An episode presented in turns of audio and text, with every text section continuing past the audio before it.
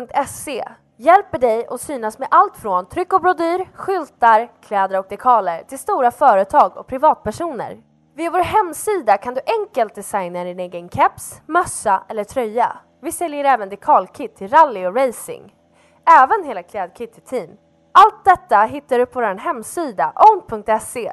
Vill du lägga en order på ett större parti så kontakta oss för offert.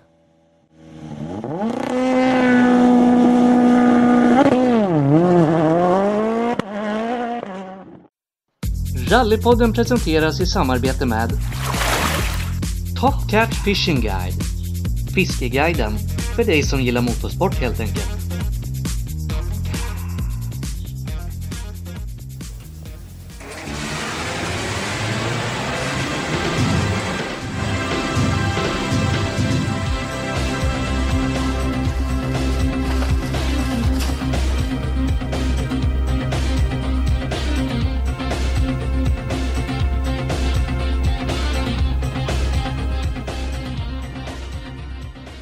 Välkomna till Rallypodden! Och nu är vi båda två Daniel. Jajamän, det var lite nervöst sist men det gick ju.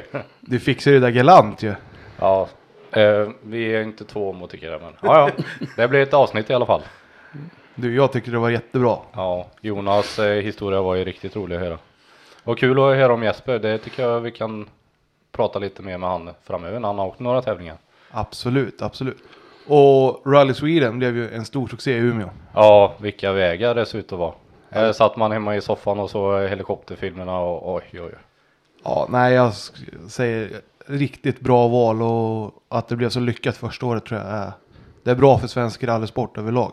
Ja, och att eh, corona typ släppte på publik eh, till slut eller, eller man, eh, ja, att man får ha publik äntligen. Det gjorde nog eh, hela grejen mycket, mycket bättre. Ja, och något jag blev fascinerad av var att det var rätt centralt det mesta. Alltså en stor stad, du hade det mesta centralt och inte alls så långt ut till sträckorna som man kunde uppleva i Värmland. Vissa delar.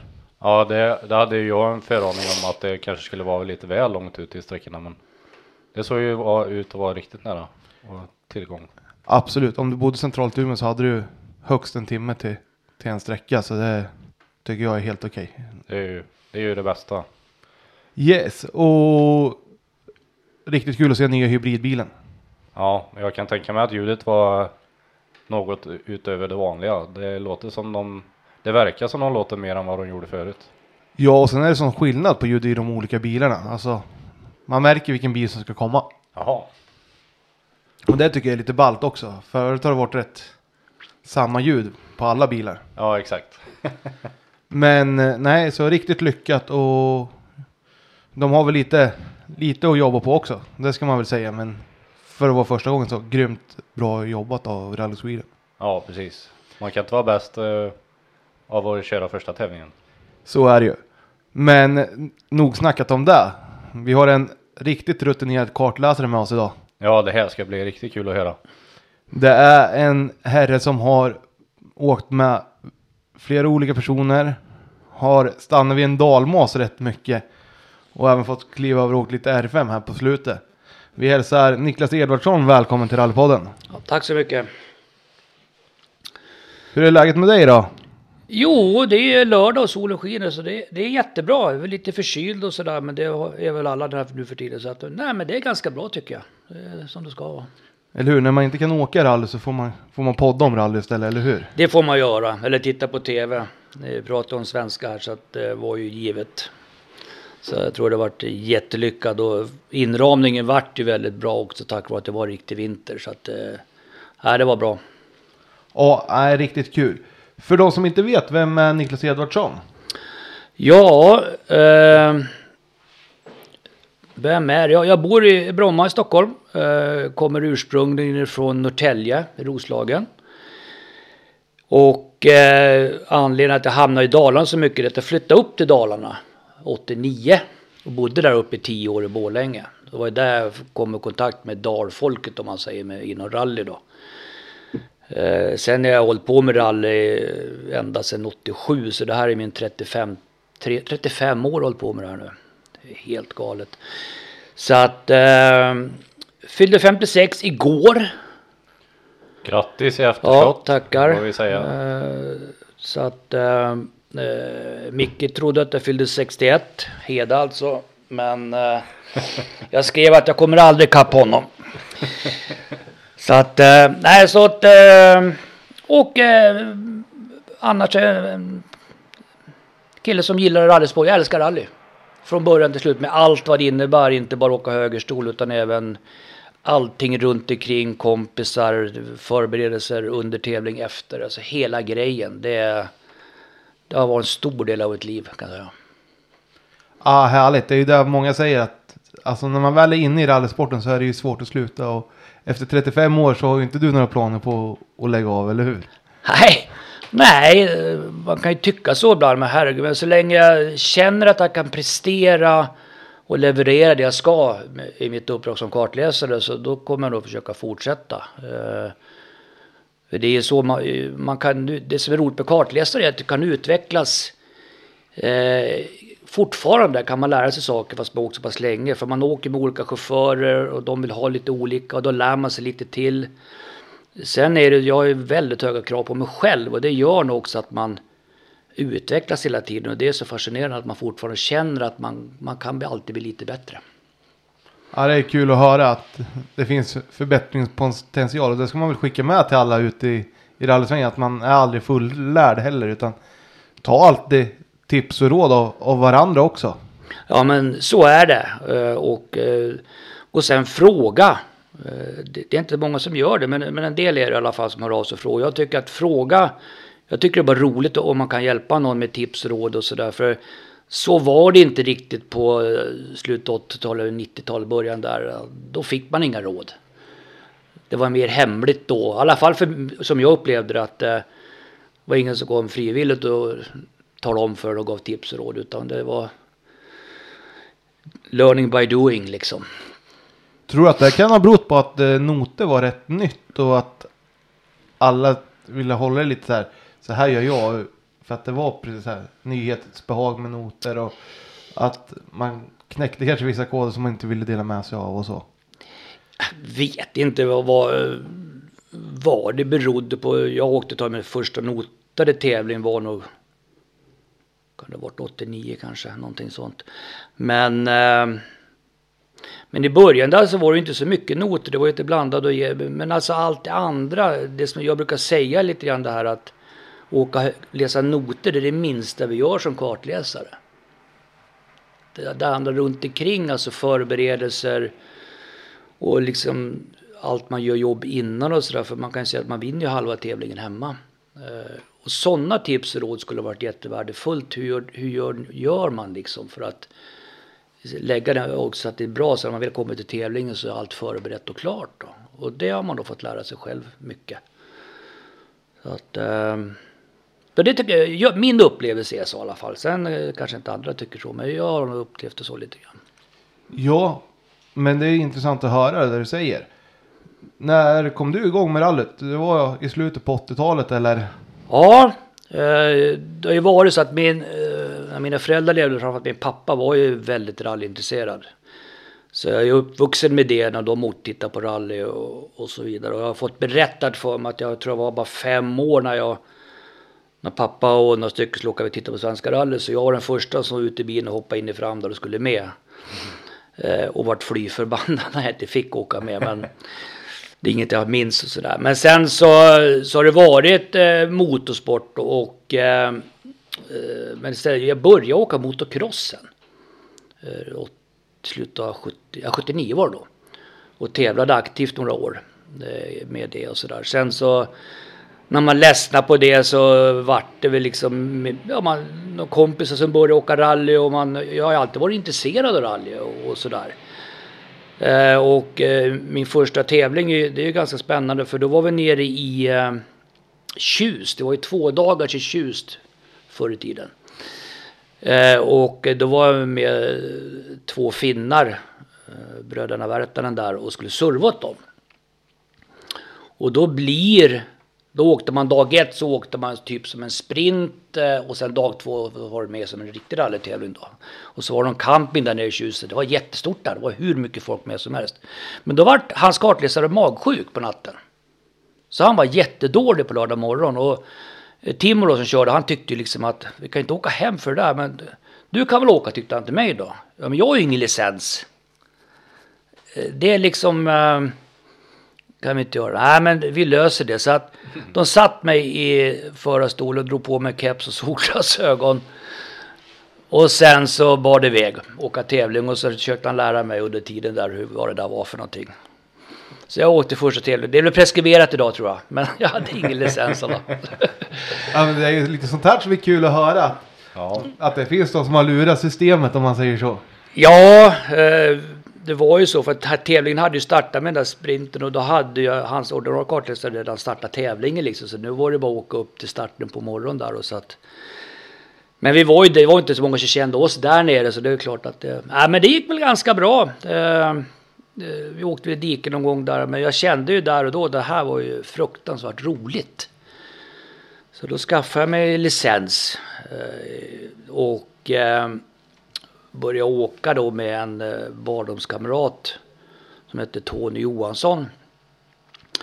Om jag säger Gison Mark och Maskin och Linda Johansson och åkte STCC och åker crosskart och Max är duktig där.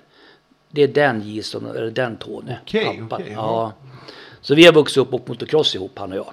Där ser man. Ja, så, att, eh, så honom, han och jag åkte i början där. I Naskåne A. Eh, Och, och den, den Naskåne A, det var lite rolig bil för den köpte han utav Lasse Nyström, rallycrossåkaren i Nynäs. Okej, Ja. ja. Och det var, motorn satt i den var någon fabriksbyggd stor utav Opel Motorsport. Så att man tog det eh, insugspackningen från en vanlig 2 liters Opel. Packningen på insuget och satt den. Då var ju hårdarna liksom, ja de var nog säkert i diameter 20 mm större runt om liksom. Det var specialgjuten topp för. Men det gick ju bara på höga varv. Men det gick bra då. Så, så där vart det några tävlingar. Eh, och det var ju väldigt mycket vilja. Varken han eller jag begrep väl någonting utav det där. Jag tyckte det mest var fränt. Och det slutade ju sen med en riktig totalskrotning där efter några tävlingar. I Rimo-pokalen 87 där vi eh, åkte rätt upp ett stenrös och klippte stora stenar. Och så vänster gick rakt genom torpeden och in i pedalstället eh, på Tonys sida. Då. ja. Det brukar inte vara så bra. Nej, han var helt förvirrad så han kastade sig ur och började irra runt och sen hamnade han mitt på vägen och låg där och, tjåla. och då liksom, där kan han ju inte ligga. Eh, Så att jag fick släpa bort honom därifrån och sådär. Men eh, ja, vilken jävla historia och, sådär. Så att, men det, det, var, det var roligt. Vi, Han bröt inga fötter? Nej, men vi klarade oss. Men sen när man, man ska förstå då. Efteråt så var man ganska mör. För på den tiden.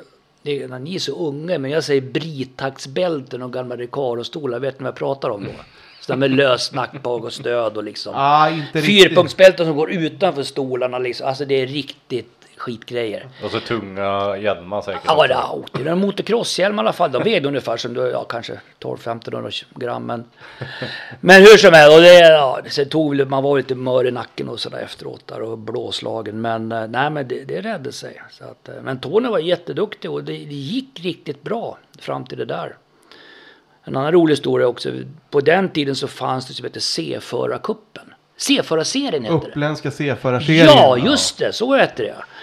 Och då åkte vi mot eh, bland annat, det fanns några fortåkare i golf där, en som hette Stefan Fernström och sen eh, han som åkte Citter och Engsen i Sverige i Grupp A, eh, Magnus Gustafsson. Han kom tillbaks nu i Peugeot och åkte Ja, exakt. Han Ja. åkte upp i Gällö Ja, här. Gjorde han en 205 gjorde han. Ja, han tävlade emot där. Och då var det en tävling där och där är lite grann hur vi var på den tiden. Det här att man inte hade riktigt koll. Och så hade vi stått och åkt alltså, ja det går ju med vinst och förlust. Det är ju bara tur att man kommer i mål. Och då och så hade jag Uppsala var det och då så sitter vi där och så räknar jag fram tiden. Och tittar och så jämförde på tavlan och det var ju katastrof. Så att Tony var ju minst sagt arg då, så han, nej, åk vi hem liksom. Det var ett helvete, så sluta med det här man inte hänger med och hit. Men det var inte så tok. Grejen var att då ibland så räknade man tider på det gamla sättet. Man räknade prickar och grejer. Mhm. Jag vet inte exakt hur det funkar, men jag tror det istället för till exempel då att åka på 25 och 37 så kanske det blir gånger sekunder. Jag åkte 4780 sk- eller någonting sånt där. Och när jag tittade på mig så stämde det ganska bra. Det var att jag såg inte komma tecken så tittade jag på tavlan. Då var det jättelångt. Då var det ju helt fel. Så hade jag faktiskt vunnit. Hade vi gjort. Ja, ja det, det var inte så dåligt. Men det var lite roligt. För man... Men ni åkte inte hem alltså? Nej, vi åkte inte hem. Vi hann vara kvar där. Så, att då, så, att, så det var kul. Det var då man fick vä- vänta på remsorna skulle komma upp i, i Ja, de här, ja, ja, ja, men det tog ju tid då. Eh, Så att man hade ju ingen aning först man kom i mål hur det hade gått och sådär. Så att, eh, men men det, nej, den där C4-serien det var ganska bra. Jag hade många år där nere. Ja, det- för jag tror många alltså, runt om Uppland också åkte dit och samlade sina C-poäng. Ja. För var det inte så att C-förarna gick ut först och du fick ju åka på hyfsat bra vägar och grejer? Ja, just, just C-förare, alltså kuppen där, alltså var det ju C, det var ju C-förarnas cup då. Och då åkte man ju först. Eh, så att, och det var ju alltid, jag vet inte hur många det var med, men det är säkert 30-40 stycken tävling liksom. Så att det var jättebra. Så det var en kul grej på så sätt. Så att, eh, men sen då efter skrotningen där då, så då köpte jag mig en egen bil, en Skåne A. Och det var väl lite samma sak där, att det var ju mer vilja än förstånd. Så att eh, jag köpte den där bilen och det höll sluta i förskräckelse redan på provturen där nere. Jag var nere i Småland och hämtade den tror jag. Hade väl aldrig sladdat runt med en bil, men jag skulle ju provköra i alla fall och vred upp den där på en lång fin. Det gick ju jättebra tills jag fick returen. eh, och for över vägen och ner i diket på andra sidan och upp på vägen igen. Och tänkte att ja, ja, det gick ju bra där. Ja, men det, det åker inget mer. Så jag köpte den där bilen och sen åkte vi ju då första tävlingen då eh, i Dalarna där vi var trea. Och eh, den som vann då Dala Häst Motor 7 det var Billy Johansson. Han som åker Mazda Vankele då om man vet vilken det är. Jag tror han Han- åkte en RX3 då. Ja, en, är den inte grön nu tror jag eller? Undrar om inte den RX7 han har nu eller håller på och bygger den eller någonting sånt. Ja, jag tror det. Vankel eh, är ju enligt mig det skönaste motljudet som finns. Men Ja, jo, men så är det. Så att, eh, jag tror att det var så, det är så länge sedan där. Men eh, sen vart det några tävlingar till och, och eh, den som åkte med var Tommy Högström. Eh, från eh, Norrtälje, han som åker korsa. Han var ganska åkrädd kan jag säga. Men eh, jag kan ju förstå om man hör hur det gick på provturerna så här, nere i dikeskanten. det var nog fel på diffen. Nej, det var inte fel på diffen utan det var nog bara... Nej, men det gick ganska bra. Men det, det, jag åkte tror fem, sex tävlingar men sen började det på en gång. Växellådan gick sönder på en gång. Så fick jag renovera den och sen så sköt jag motorn där på hösten. Eh, Så var det på sopraden. Då byggde Ante, Antes motor, en ny motor. Men sen var ju pengar lite slut som jag tänkte åka rally för. Så det vart någon på vintern där 88 men det, nej, den såldes. Och sen dess har det blivit högerstol då. Ja, men du gjorde i alla fall ett tappert försök. Och, ja, ja, ja, jo men det gjorde jag. Och det, alltså det gick bra, det var, det var ganska roligt sådär. Men man förstod att man ha, hade ju inte ekonomin överhuvudtaget sådär. Så att, så, att, så var det. nej, men jag tror att många, ja, du kanske känner det att, att man kanske börjar med, jag vet inte, vad, den här var, kanske var lite trimmad och, eller var den? Nej, det, var- det var en, eh, ja, nationell hette det då, men det var alltså en, en, full, en grupp H-bil om man säger så då, som det heter idag. Med en två liters, eh, då fick det inte vara mer än två liter då. Men, eh, och så var det en kvajflåda, en synkad historia. Fyrväxlad, det var det man åkte med. De hade ju det, eller så hade man ZF-låda kunde man ha det också. Då. Så, att, så att det var ju en nationellt trimmad bil och så. så att, eh, men det var ju så, det var ju dyrt det här när, när motorn rasade och sådana saker. Så att, eh, nej, så det, var, det, det såldes och eh, sen fortsatte jag åka med Tony där. Då, han köpte sina, eh, någon kadett GT och även en Skåne B byggde han där. Så att, Men jag tror att du hade fortsatt om du hade börjat med en billigare bil. Alltså en standard, mer standard, standard B kanske fanns fortfarande. Eller, jag vet inte. eller det kanske inte lockade när du skulle väl köpa en Nej, bil. sen, var, alltså det, sen är det ju så, det var ju dyrt då men det var ju inte som idag. Du kunde ju faktiskt köpa en sån här bil och åka lite på skoj och, och sådär. Sen är det ju så att jag hade ju inte heller liksom, jag är inte speciellt bra på att skruva, hade inget garage. Utan då, då ska man alltid liksom, det är mycket runt omkring som ska funka också då. Så att, jag, jag kan inte svara på det. Jag tror nog inte det, för det jag hade nog aldrig liksom... För även om du åker en billigare bil så är det ju ändå rätt mycket runt omkring som ska fixas. Men så är det ju. Och som sagt om man inte har garage och, och inte det här med att skruva heller. Då, då blir det ju oftast att du måste förlita dig på andra. Och det, det kan ju vara jobbigt där. Bara den, den biten att jag måste ha med mig några som kan det här också. Nej men så är det ju. Så oavsett om du åker på låg nivå så är du väldigt beroende av andra människor i det här. Eh, och, och de eh, nämns ju allt för sällan det som är runt omkring eh, föraren och kartläsaren. För det är ju servicepersonal, det gör ju, grymt jobb liksom. Och de är ju liksom, de måste, de är ju helt, de är ovärderliga helt enkelt. Så att, eh, alltså de, är, de är duktiga. Hade vi inte dem så då kunde vi inte åka biltävling. Va? Nej, så är det. Och jag tror att många faller lite på. Att det krävs lite, lite mer folk omkring en rallybil än kanske någon annan motorsport. Och, och att det, du behöver verkligen ha det här. Du behöver minst vara tre, fyra stycken som är intresserade och hjälpa till. Ja, Med en förare, en kartläsare och så, helst två mekaniker också. Så. Ja. Nej men så är det. Och det är, och det är klart att... Och idag så är det ju så, liksom nästan alla tävlingar, att det är ju... Jag vet inte, för när Jag hade ju inte, de få tävlingar jag åkte så här, jag hade ju ingen service. Utan vi åkte ju dit och reservhjul där bak och tankade fullt och sen åkte man ju. Så det var inte längre tävlingar så. så att, eh, men där har utvecklingen gått lite framåt då. Ja, och när vi avslutar din förarkarriär där. Vad fortsatte du med i högerstolen då? Jag fortsatte med, med Tony Johansson då, för efter han gjorde slut på den där stackars Skånan där så när han kröp runt i stenröset så då köpte han en eh, kadett, en sån här, eh, heter de GT då, bakstriven, kupé? Mm. Eh, Det stämmer nog va? Ja. Och sen eh, byggde han också en Skåne B. Så där åkte lite tävlingar med honom. Men under den här perioden så flyttade jag också till Borlänge då, annandag jul 88. Så att, men jag fortsatte åka med Tony lite grann. Men vi åkte lite JSM och, och sådana saker. Det gick ganska bra. Jag tror vi vart fyra i Sandviken där, om det var 89. Eh, sen har jag för mig att vi åkte en JSM-tävling i Lima också. Men där vet en del säger att vi inte har gjort det. Men jag skottade och snö i alla fall i 45 minuter då. Så att, Eh, men det var så det vart med honom lite grann. Sen, sen, sen följde ju det lite grann tack vare att han bodde i Norrtälje och jag uppe i Dalarna och sådär. Så, att- så då fick jag ju kontakt med, eh, tack vare att jag bodde där uppe, med en kille som heter Göran Öst ifrån Björbo.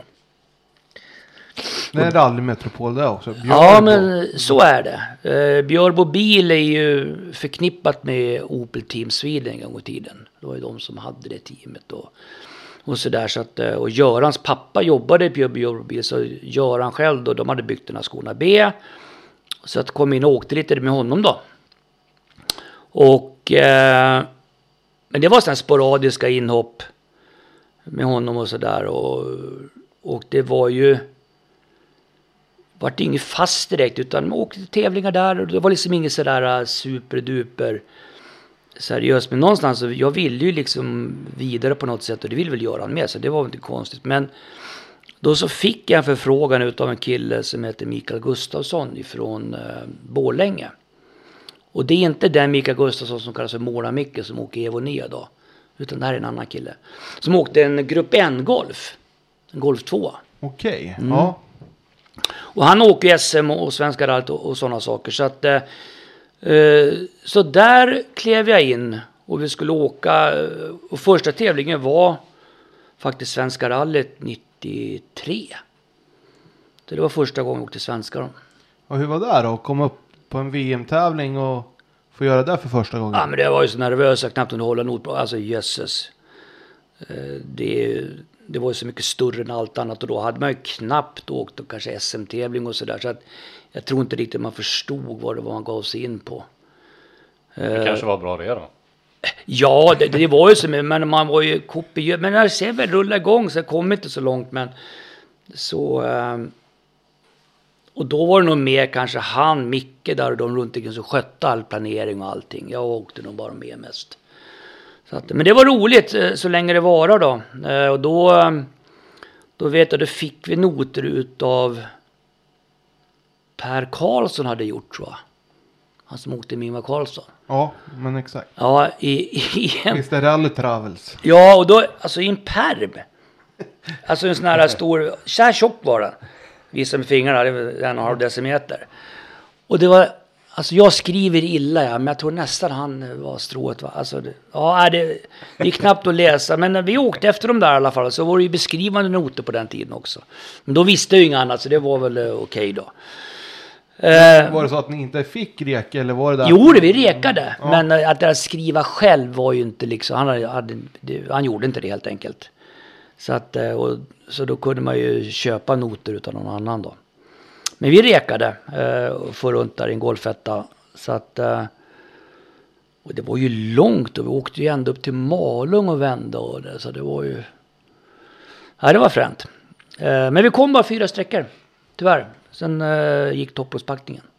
Aj då. Ja, Ja, det är ju tråkigt. Alltså, det- jag tänker, det tar ju lite tid där. Jag tänker om ni ska Ja. reka, ni måste ju ha lagt en vecka i alla fall. Ja, men det, jo, men så blir det ju. Eh, Det var ju lika då som nu att man anmälde sig på måndagen och sen så började man räcka på tisdagen och så rullade det på.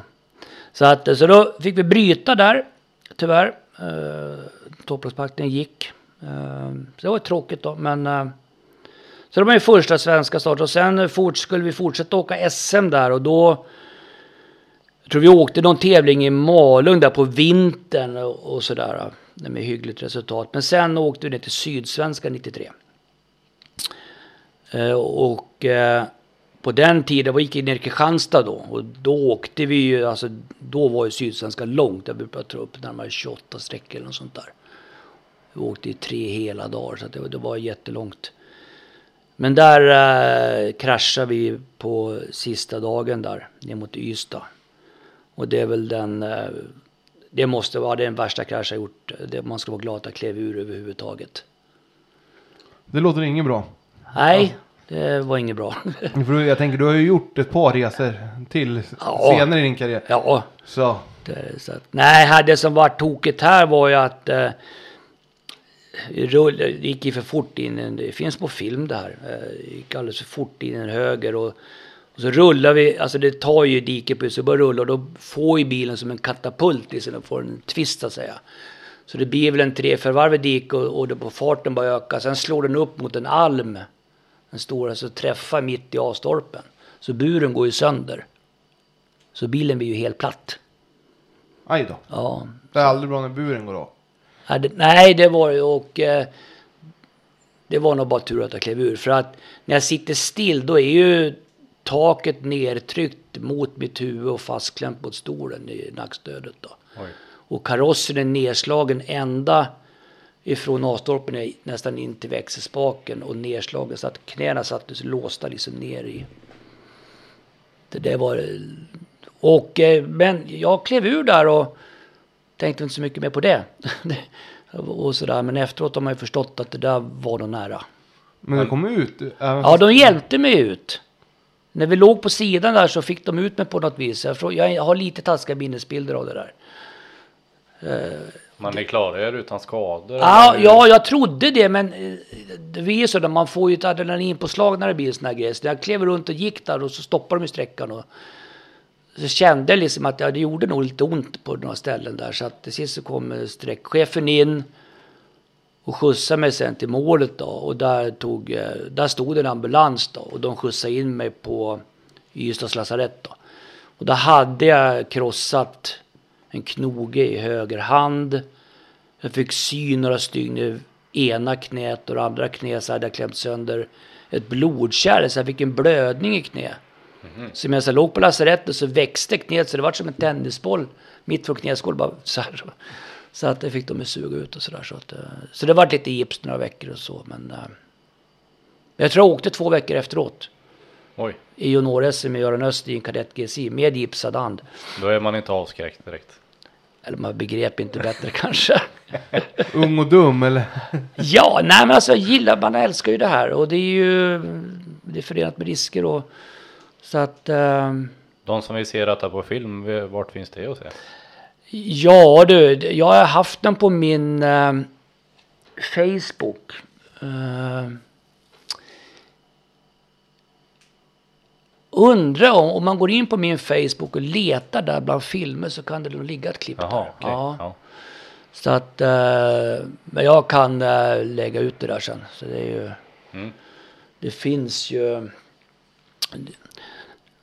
om, ska se om ni ska få en bild, förstå hur, hur den såg ut. För att när man visar det för folk då tror ju liksom att det här kliver man inte ur det. Men sen är det ju så, på den tiden så var ju inte burarna var ju inte lika bra. eh, Säkerhetsutrustning, man hade ju inte Hans och så vidare. Och det gör ju att det Allting blir, blir värre. Ja, men så är det. Och vi åkte ju på allmänna vägar 93 på SM där. Det var första gången. Det var ju breda fina vägar så det gick ju bra fort. Och det är Ja, klart. tempot höjs ju en hel del då när det är... Ja, det går ju fort och sen när det väl bär iväg då blir det ju... eh,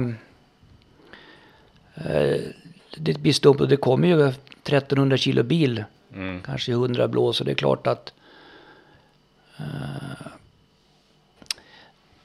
jag kan visa den sen. Jag har det med i alla fall. Nej, så, så vart det. Ehm, så då vart det slut med den bilen. Eh, så- och, eh, och sen vart det inget mer med Micke. Han skulle bygga en ny bil. Så där eh, klev jag in med... Göran Öst hade skaffat sig en Kadett GSI då. En två liters. Ja, det var nästan det värsta du kunde åka. Då... Ja, ja, det här var en åttaventilare. Och var åtta, okej. Ja, det fanns ju 60-ventilarna som de åkte med i teamet där och sådär. Så fanns det åtta ventiler också. En Grupp A-bil. Eh, och eh, det var ju halva priset på en sån jämförelse. Så den köpte han utav eh, Janne Westlund. Okej, Ja. ja. Och de som är lite Opel-frälsta och allting, det är den här berömda Pammen 288. Aha, Det ja. pratar folk mycket om Pam. Eller, nej, inte Pam. Ejo 288. Pammen är korsande. Jag tänkte säga... Pammen är korsande A. Pa, ja. Mm. Opalen. Opalen, det är kadett GSI. Ja. Mm. Det är PAM, eller OJA 288. Så den köpte vi han där utav Janne Westlund. Ehm, och så åkte vi den då. Ehm, det var, och det ja, det pågick i några år. Vi åkte den mellan 93 fram till 90... kan 96, 97 åkte vi någon tävling tror jag. Ja, ni, ni lyckades ju vinna Bergslagsrallyt 96 om jag minns rätt. Ja, ja, det är ju helt otroligt. Vi, eh, det var så, den där bilen strulade lite grann i början. Eh, han var jätteduktig att hålla ordning på bilen och så, men, men det var lite svårt att få det att hålla. Och så. Sen just den där perioden så kom man med nya reglementet, det nationella. Vart det fritt in och ut. Ja. Det var ju sen det spårade lite grann med alla modeller och Coroller kom in och sådana saker. Men, och då eh, byggde vi om den där till fritt in och ut så det var ganska bra knuff i den och sådär. Men vi hade ju inte ekonomi att åka SM först utan vi åker Bergslagsrallyt. SM där, för det är ju lite som hemmatel om man är från Dalarna. Mm. Och eh, så vi hade fyra nya däck och fyra begagnade när vi skulle åka det. Och lyckas vinna där. Och vinna A-nationell, Ja. det, det är ju inte fy skam i, i Mm. Bergslag. Nej, inte på den tiden. För om man tittar. Hur, jag vet inte hur många det var i Bergslagsrallyt, men om det går på är supertufft idag så var det ju lika jäkligt då. Och det, alltså, det var ungefär så nöst du tappade två placeringar. Och det var enormt med startande så att eh, det var ju jättetajt. Och då hade ju hela Mats Karlsson och alltså hela de här, alla de här fortåkarna. Semoni Olsson och Roger Berglund åkte väl också. Alltså det var ju, Jag kan säga så här, ni hade en körtid på en timme och 45 minuter på tre sekunder. Peter Åger, Peter Ågren tvåa va? han var tvåa, han var 14 sekunder efter er.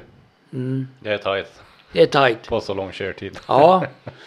Men det där var lite roligt att lyckas där för det var ju framförallt när man ingen som trodde det.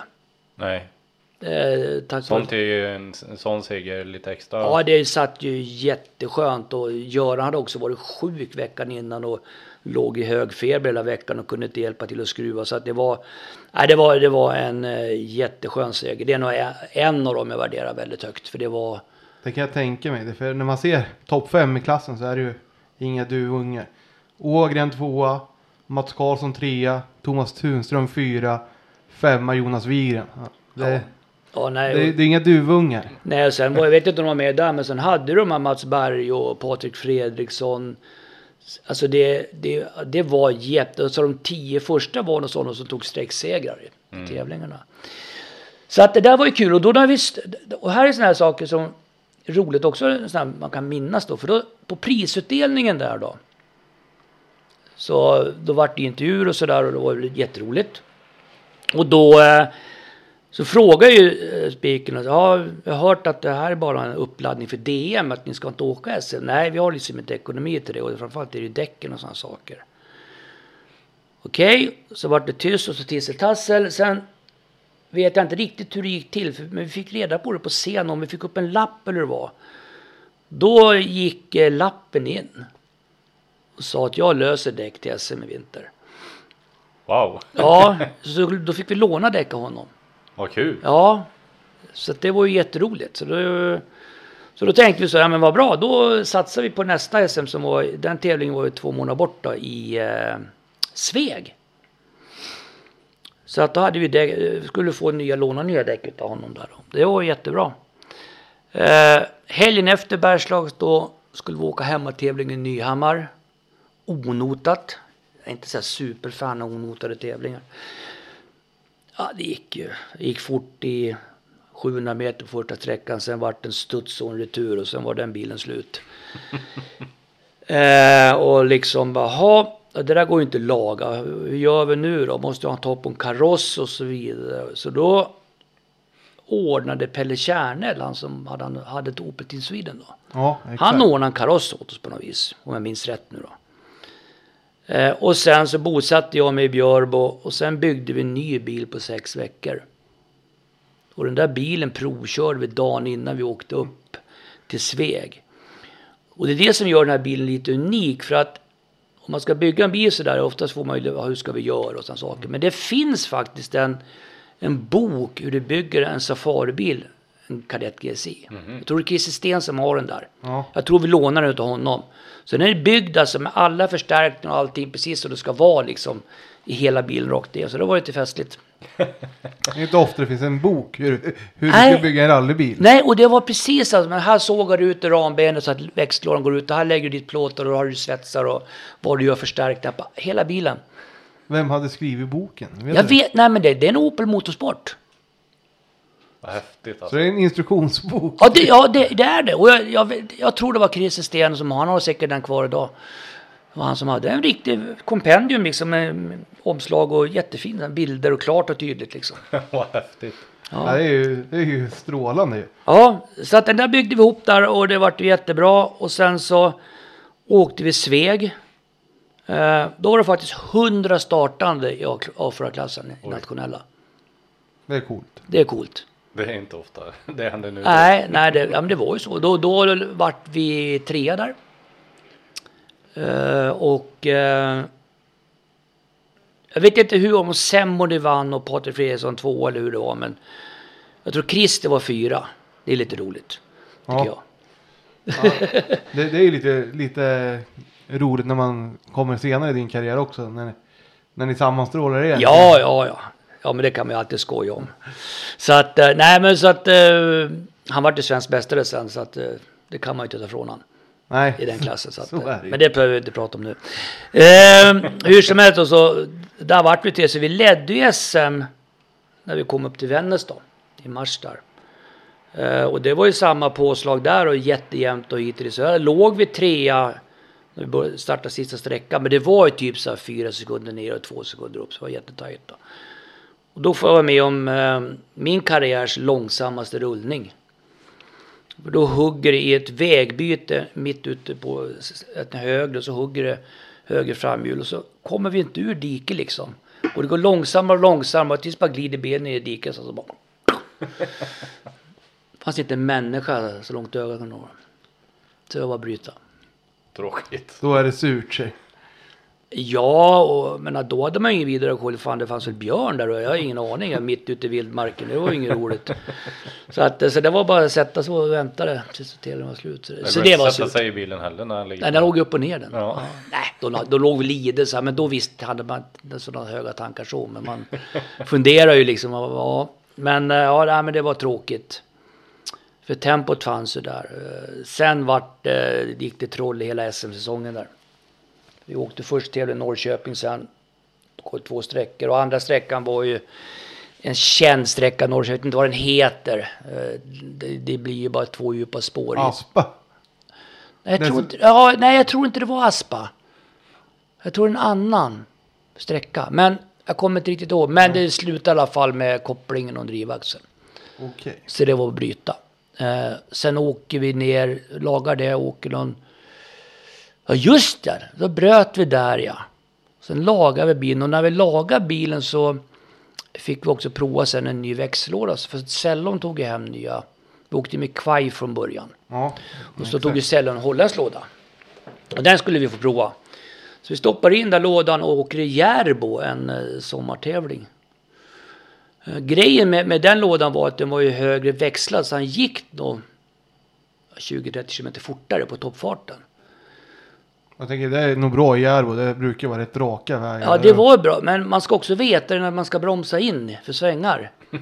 För vi kom ju där eh, bra på, och det var ju, alltså Göran var ju fantastiskt duktig chaufför. Men det var ju allt eller inget, alltså det är påslag. Men då kom vi full makaron upp över långkrön och så över nedförsback och så var det en vänster två minus någonting. Och, och kom ju på full spett på femma. Där grejen var att nu gick det kanske 100, nästan 190 kilometer och inte 170.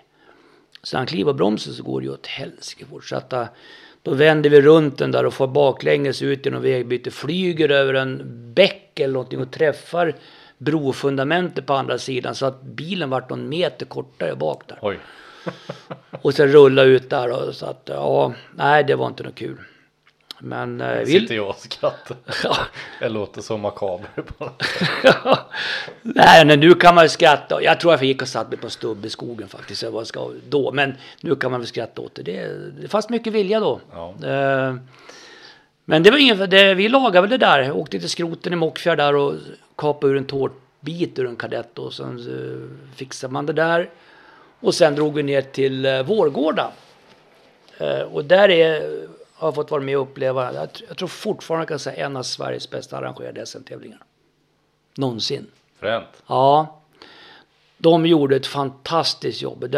Man pratar mycket om Vårgårda, för då åkte ju ja, Toyota Team Sweden åkte ju, Persvan åkte ju fyrhjulsdrivna. Och då hade de byggt upp ett helt mässområde kring servicen. Och hade fått liksom, det var stort. Alla de motorsportnissarna med företag och allting ställde ut och det var öltält och grejer. Så det var riktigt fränt. Och sista sträckan drog, gick in nästan alltså in i mässområdet. Jaha. Och mässområdet var liksom, så var det bara staket utan där kom vi mål på sista sträckan liksom och sådär. Så det var en jäkligt häftigt arrangerad tävling. Det var mycket fränt. Härligt. Alltså, kul att höra sådana här grejer. Att, att de har verkligen lagt ner tid och själ till att få till ett riktigt, riktigt bra. För jag tänker Vårgårda, det är ju dina hemtrakter. Ja, det är mina. Jag försöker minnas om jag har varit på den där tävlingen. När var det? 96. Ja, jag var säkert där med mina syskon och pappa, men det är inget jag minns. Nej, och, alltså lyckas få till det så bra. Alltså och, som man uppskattar än idag. Nej men det pratade med de här som är i min ålder som har åkt länge liksom så tror jag många kommer ihåg den där tävlingen. Så att det där var någonting utöver det vanliga. Så att, äh, är riktigt bra. Men där bröt vi igen. Då gick eh, rotorn av. I eh, fördelaren går en rotor ner i Ja. Och så den gick av så där bröt vi. Men inga ledsamhet, vi lagade det så åkte vi ner till Hörby i Skåne. Och där sköt vi motorn på 8000 varv så det var den, den säsongen klar sen. Så att, ja, det är inte så mycket kvar då. nej. Ni var bäst på vintern kan man säga. Ja, nej, men vi hängde nog med på sommaren med men materialet sviktade oss så att eh, tyvärr. Sen Mm. åkte vi en tävling 97 men det, det var i Kolsva, vintern. Men där bröt vi. Ja. Nej, jag tänker att eh, alltså, ni visar ju verkligen att leda SM efter två deltävlingar i det här motståndet. Och jag kan säga, jag hade aldrig hört talas om Göran Öst innan, innan vi skulle spela in det här. Nej. Nej men det är inte så konstigt för han slutade ju då 97 sen flyttade han till USA. Han bor där fort än idag. Så att ehm, Ja, då var jag åtta år och du Hampus. Mm. Ja, jag var sex. Ja, så är det inte konstigt att inte har så stor koll. eh, Han, han var jätteduktig. ja. Och det som, det som brast med så många andra var ju pengar i slutändan.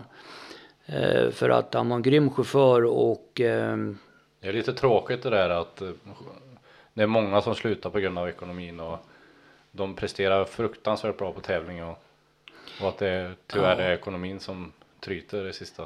Ja, men jag tror det, det, är nog, det gäller nog alla. Eh, Vi har väl, min åsikt är att vi har väldigt bra material i Sverige när det gäller chaufförer. På väldigt hög nivå, duktiga och sådana saker. Men det är ekonomin som sätter stopp. Ja, men så är det ju och jag tror de i rally det, det räcker inte med att ha den här talangen. För det finns inte någon som backar upp det fullt ut sen. Det, det är några, några få som har lyckats med det. Och jag tror det var mycket, vi har ju sett, det var ju fler innan våran tid Daniel. Att, Ja, att man kom ut i världen och fick, fick chansen i alla fall. Under våran tid så skulle jag säga att jag tror jag kan räkna på fem fingrar vilka som har, har fått bra chanser och, och lyckas. oftast eh, är det väl hårt arbete och bra tillfälligheter som de har lyckats. Ja, det gäller ju att knyta åt sig samarbetspartners och, och investerare tror jag. Eller vad säger du Niklas? Ja, alltså pengar är A och O och, och jag tror att eh, då, det var ju nästan på slutet där, men att eh, en, få en sits liksom. eh, Idag är det inte möjligt utan du köper dig en plats helt enkelt. Och det är ju och det, det är det som är idag. Det kostar väldigt mycket pengar och är, är du duktig så och steget sen att gå vidare. Jag har sett massa exempel på när du ska in och åka EM med R5 exempel från junior-VM och så. Så är det så mycket mera pengar det handlar om och det är ju så att det är ju jämnt skägg att få upp en budget till att åka R5 men sen ska du, helst ska du ha en budget så att du inte behöver bry dig om det också. Att du kan testa mycket och det gör ingenting om du rullar i bilen och så vidare. Men det, det, är, det är jättesvårt. Jag beundrar de som lyckas få ihop det här för att det är ett enormt arbete. Ja, nej det är ju och vi ser ju. Det är ju flera som försöker och, och nästan kommer hela vägen. Och jag är så imponerad över deras jobb de lägger ner. För att komma dit de är. Ja, verkligen. Och det är ju som sagt tips och råd från allt och alla är ju, är ju bra att lyssna på. Sen måste du bana din egen väg också. Ja men så är det och jag förstår att, att man vill vidare och, och så. Sen är det ju, jag tror ju någonstans att det, det är väldigt lätt att eh, bli lite blind om man säger i det här. eh, När du får er, så kallade erbjudanden och hit och dit. Men de här erbjudandena kostar ju pengar i slutändan. Det är ju, jag vet när jag åkte med Daniel så vart han eh, Åman erbjuden till eh, Tyskland eh, för det här Opel Adam. Eh, Så de åkte ner dit, träffade dem där nere och eh, om det var Anders Davidsson som var med och han var väl någon form av kontaktperson för landslaget då tror jag. Jag tror han var för rally, rallysidan. Ja. Förbundskapten. Ja. Och det, åka den där cupen, och jag tror att det är en jättebra cup. Alltså så hit och dit och sådär. Men och, och då var de var väldigt så här liksom att ja, men vi ska skriva på. Alltså de vill gärna signa direkt liksom och sådär. Och, men Daniel är ju lite vaken så han läser ju lite vad som står i det där och hit och dit. Men det, det är det är en grundplåt var ju på 715 000 plus moms Oj. för att åka Adam. En säsong där, där nere då. Eh, Och då vet ju alla det egentligen, grundplåt. Ja, det, ja, sen gör du saker och ting och hit. Ja, då kommer det extra fakturer och sen ska det tillkomma resor och semester och rekbil och en det ena än det andra. Så att det är mycket pengar. Så är det ju. Det är ju inte något du drar in på en arbetarlön direkt. Nej, eh, så är det. Så, men Mm. om vi ska fortsätta din karriär där. När, du, när Göran och du inte skulle åka någon mer. Vad, vad, vi Ja. lite sporadiska inhopp. Ja, det vart lite så. eh, Men det är ganska roliga sådana. eh, Det är lite historia kring det i alla fall. Bland annat så. Jag åkte med en annan Mikael Gustafsson. Han som kallas för Måla-Micke. Ja. Han som åker Evo 9 då. Ja. Ja, på skoj sådär. Han eh, frågade om jag ville följa med till Tyskland och åka Dreistadt. Jag tror det var 97 måste det vara. Och han hade en sån här Golf G60, en sån här G-lade fyrhjulsdriven. Okej. Ja, jag tror han har kvar det. En riktig fabriksbil från VW. Ja, det, det är en spännande bil. Ja, jag tror han har den kvar Det kan fortfarande. inte finnas så jättemånga av dem. Nej, Eh, det är någon bra pensionsförsäkring. Men hur, hur som helst, så, jo, men, och du vet det där tackar man ja till direkt. Fränt liksom. Det, det är roligt. Så att, och på den, när vi åkte ner till Dreistad då på den tiden, då fick man faktiskt hjälp av arrangören.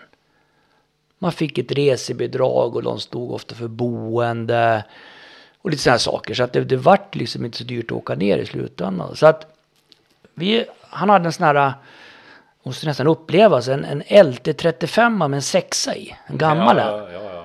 Som går typ 70 blås. En sån drog vi hemifrån Dalarna genom hela Tyskland ner dit. Med släp bakom. Men ner kom vi. Och, och, eh, och vi rekade där och greja och eh, bara besiktningen var en upplevelse på sitt sätt. Det var ju som någon form av Folkets hus-lokal vet du. Det var rock'n'roll-musik och ölpumpar och läktare och ja, det, det var häftigt liksom. Så det var ju på en annan nivå sådär. Så det var jättekul. Eh, sen när vi är klara med allting. Det står jag kommer, kommer Micke bara, nej vi får inte åka. Nähä, var, nej bilen är för gammal, den har gått ur grupp A-klassningen. Och då vet jag, men då har Micke pratat, för de, när de sa att han kunde komma och åka det här, arrangören alltså. Ja. Då sa Micke att den går ur klassningen så den är inte klassad. Nej men du, du vi vill att du, det är en kul bil. Och så har den ju tyskt ursprung och sådär, så vi vill att du kommer och åker. Och då, eh, men då var det så att det här uppdagades utav en österrikisk domare. Jaha. Och kan man se en historia så vet vi att österrikare och tyskar är inte alltid sådär jättegoda vänner. Nej, de är ju kanske inte kompatibla alla gånger med varandra. Så han menar på det att vi ska inte få åka. Och då menar arrangören som är tysk då, jo men det, vi har ju lovat och sådär. Ja, kommer det bli någonting med någon österrikisk åkare någonting så då kommer jag se mellan fingrarna. Sådana domaren då, Österrike då. Så det slutade med att vi fick inte åka tävlingen. Kul åkningen hela vägen dit. då. Ja. Eh, och här är också liksom hur arrangörerna faktiskt var där då. För vi fick faktiskt en bunt pengar som plåster på såren utav arrangören. Ja. Ja, men det kan väl kanske vara lite rätt ändå. Om man har... För det är ju det inte nästgårds att dra ner en bil till Tyskland. Nej. Och, så, och sen får man inte ens starta. Nej.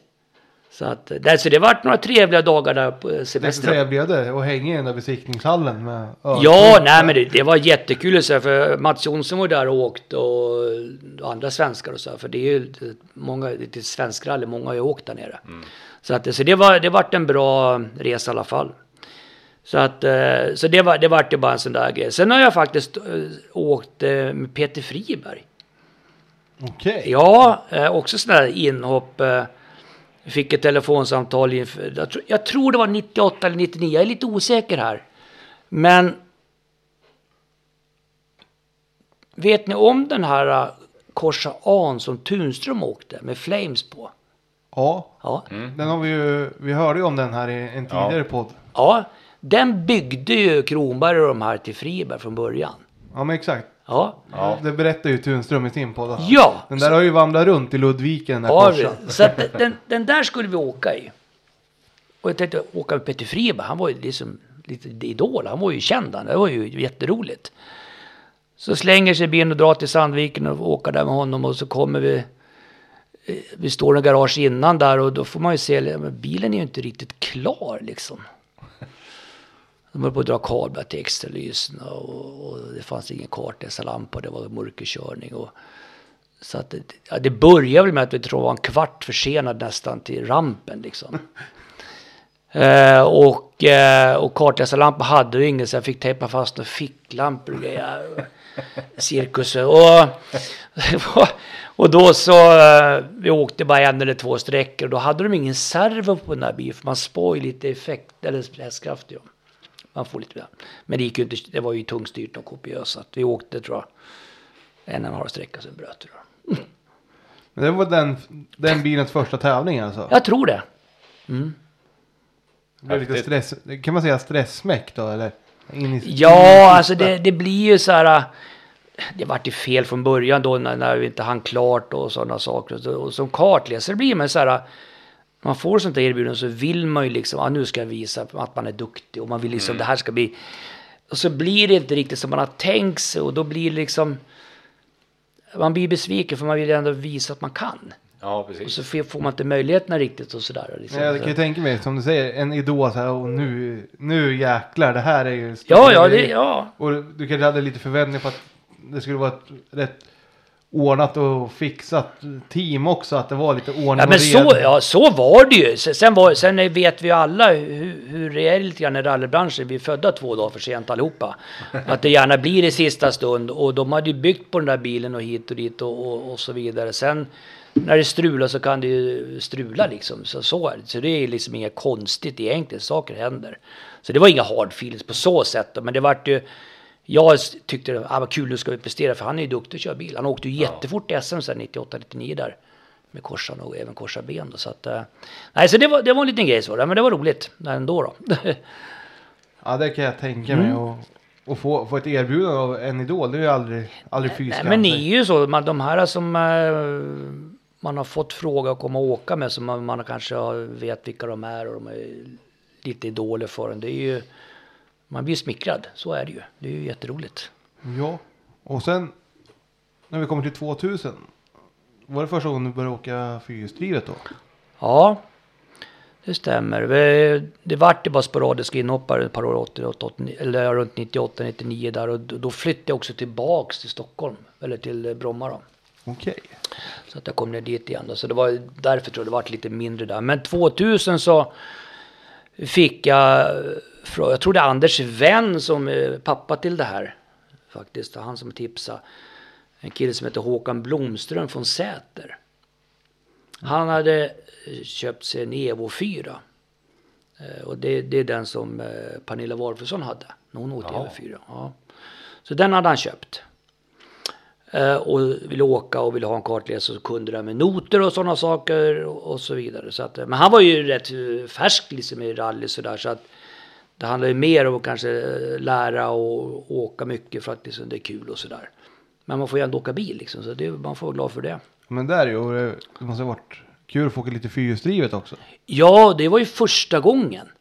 Eh, och jag glömmer ju aldrig, vi åkte ju första tävlingen i Örebro och Askerrally där.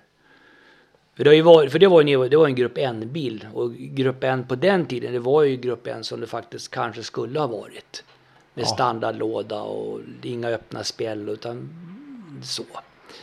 Och, eh, och de låter ju inte mycket. Så man har ju, och det där har man ju vi som åkte trimmat och alltid går på och det här är det nationella. Att, äh, grupp N det är bara pys, det kan ju inte liksom, lite på skoj sådär. Men det fick man ju äta upp, det kan jag säga. För att när det, i starten första gången där, men jävlar. Det kickade iväg ganska bra. Så då, det var ju en upplevelse just att det inte bara står och spinner utan det drar iväg faktiskt. Jag tänkte säga, det, det måste ha varit den stora skillnaden och ur vägbyten och sånt. Ja. Att, att du får mindre tid till nästa sväng ur vägbyten. Ja, det blir, avstånden blir kortare liksom, att man får läsa på ett annan, annorlunda sätt och sådär. Så att, eh, så, så det var ju fantastiskt roligt. Eh, och, eh, så jag åkte med honom där ett par år och vi åkte mycket. Vi åkte ju SM eh, och sen åkte vi, jag tror fan vi åkte första året åkte vi 25 tävlingar tror jag. Sånt där. Men det är ju bra när man ska lära sig som Håkan skulle. Ja, sen gjorde han för att det var kul liksom sådär. Så att det, då- det, det är ju... eh, Men han gjorde det superseriöst eh, och, och för att komma till Håkans... Jag tänkte det ska jag faktiskt komma ihåg att ta upp. Kommer du ihåg när Bäcken var här och pratade? Ja, Så nämner han att han står och tittar in i ett, i ett fönster på en rallybil hos Håkan. ja exakt. Ja, det är jag som sitter i den bilen då när han gör det. Och det kommer jag så väl ihåg för han var ju inte, han var ju bara så hög då.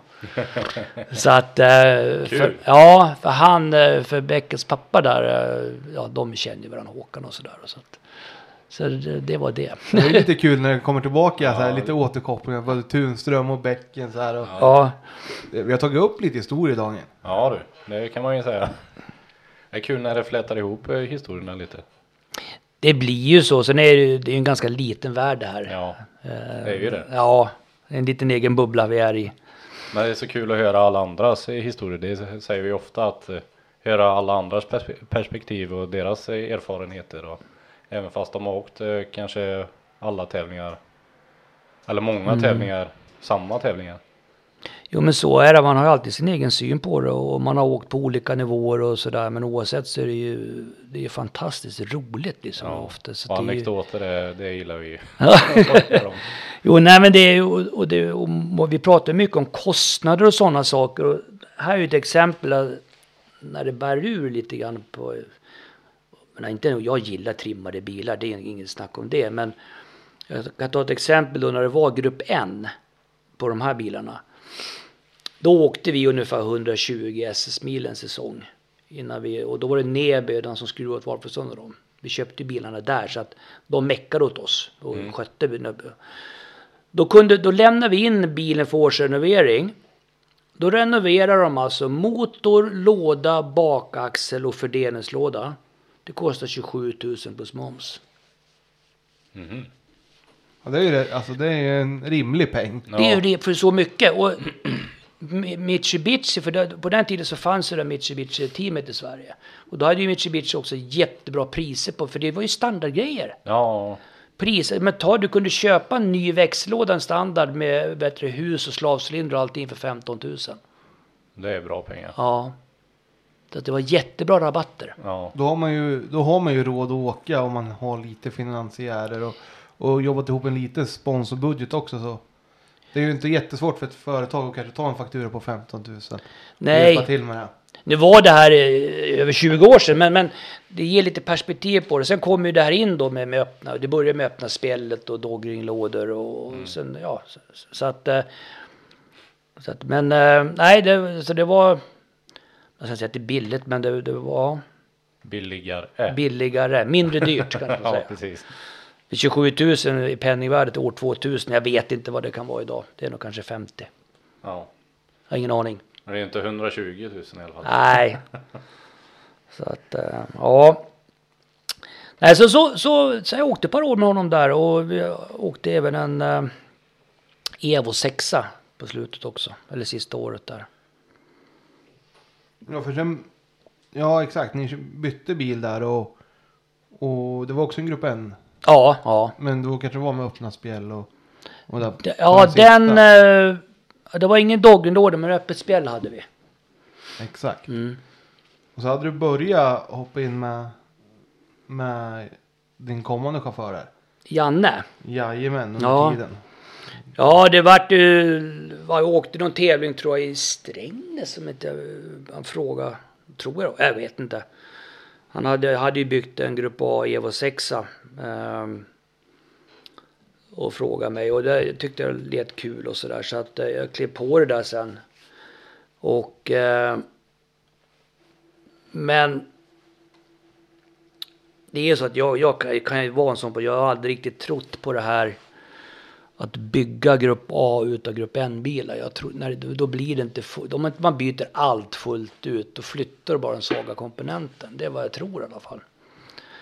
Att jag har en jävla häftig motor men fortfarande har standarddrivvakt och standardspindlar och så vidare och ingen riktig europeng. Alltså, jag tror det flyttar den svaga. Så, att, så det, det var svårt att få den där att hålla och sen så köpte vi, eller vi säger Jan, en eh, Dogringlåda till den där.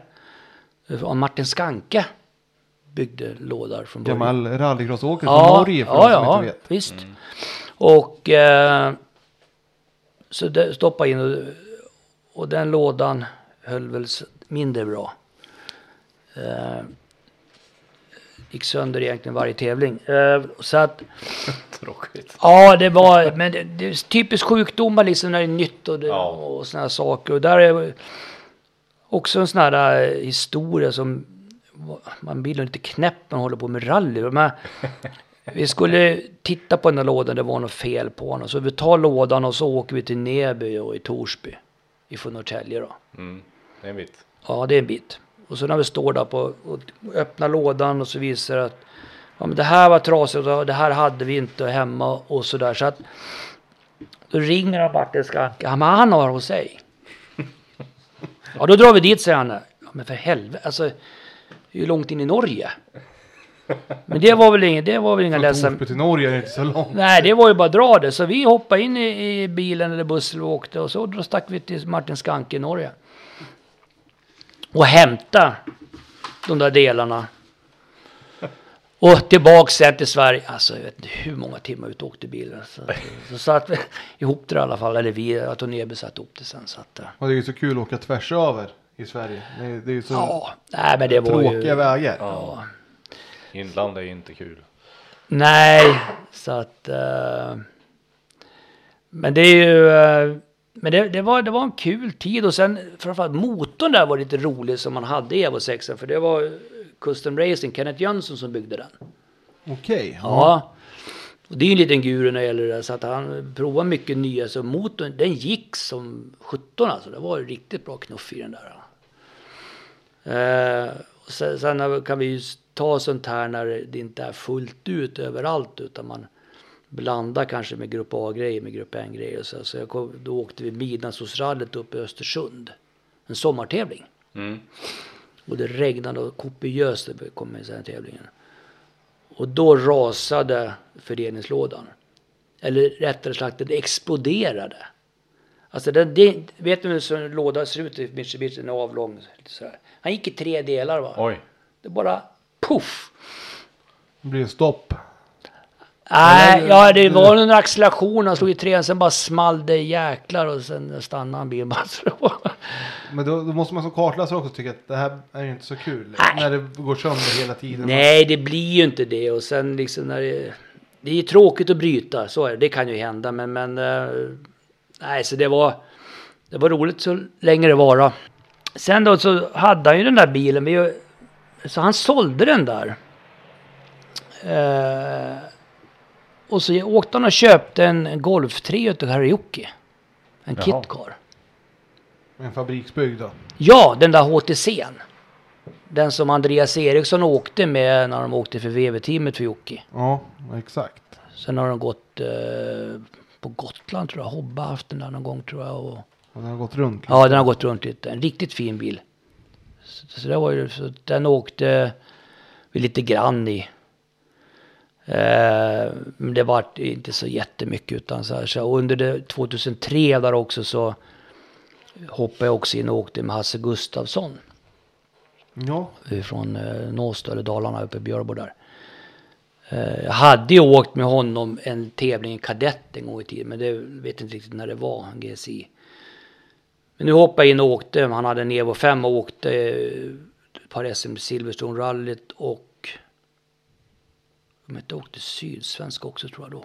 jo, sydsvenska. Mm. Stämmer bra det. Och ni åkte ju en Evo 5 Ja, som han köpte ut av Staffan Parmander tror jag. Okej. Ja, Också en gammal lega- Ja. legend inom svensk rally. Ja, så att... Eh, så att det så var så jag inte började. Eller jag kände ju Hasse innan men då, som jag började åka med honom och sådär då. Eh, men jag hade ingen riktig satsning där så att eh, vi åkte de där två tävlingarna. Jag tror också Janne sålde nog golfen där så det var nog ingenting för honom på något år där.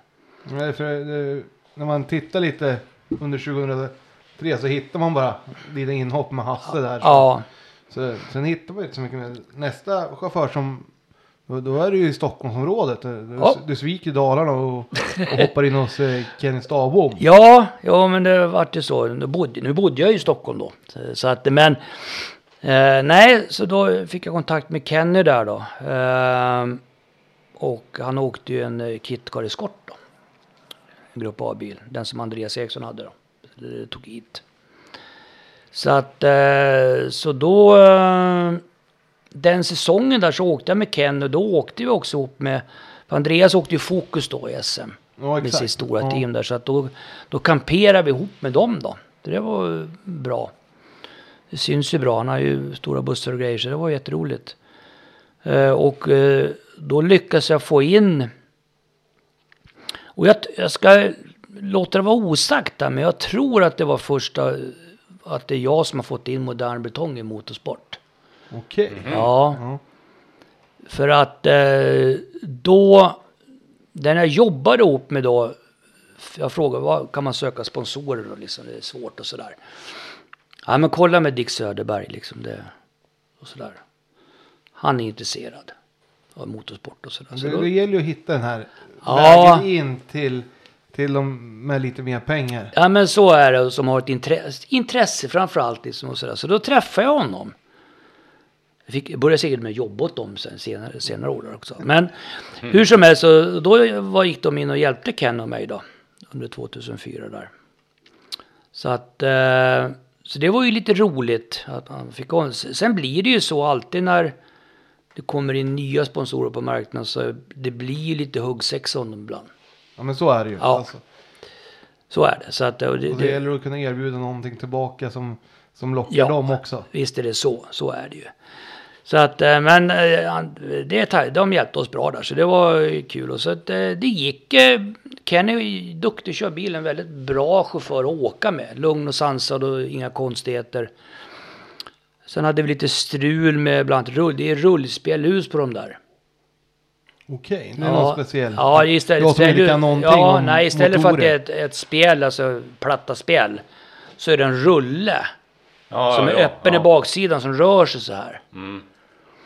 Det är på den här KitKar. Det där var lite strul med och det, det nöp emellanåt. Eh, och värsta var ju då när vi åkte upp i Vännäs. När vi kom 200 meter efter startrampen i Vännäs och så nöp det ihop. Och bryta. Ja, det är, alltså Vännäs har många historier om sig att det, det brukar strula med motorer och grejer. För det är inte bara Kenny som har haft problem med, med motorer där uppe.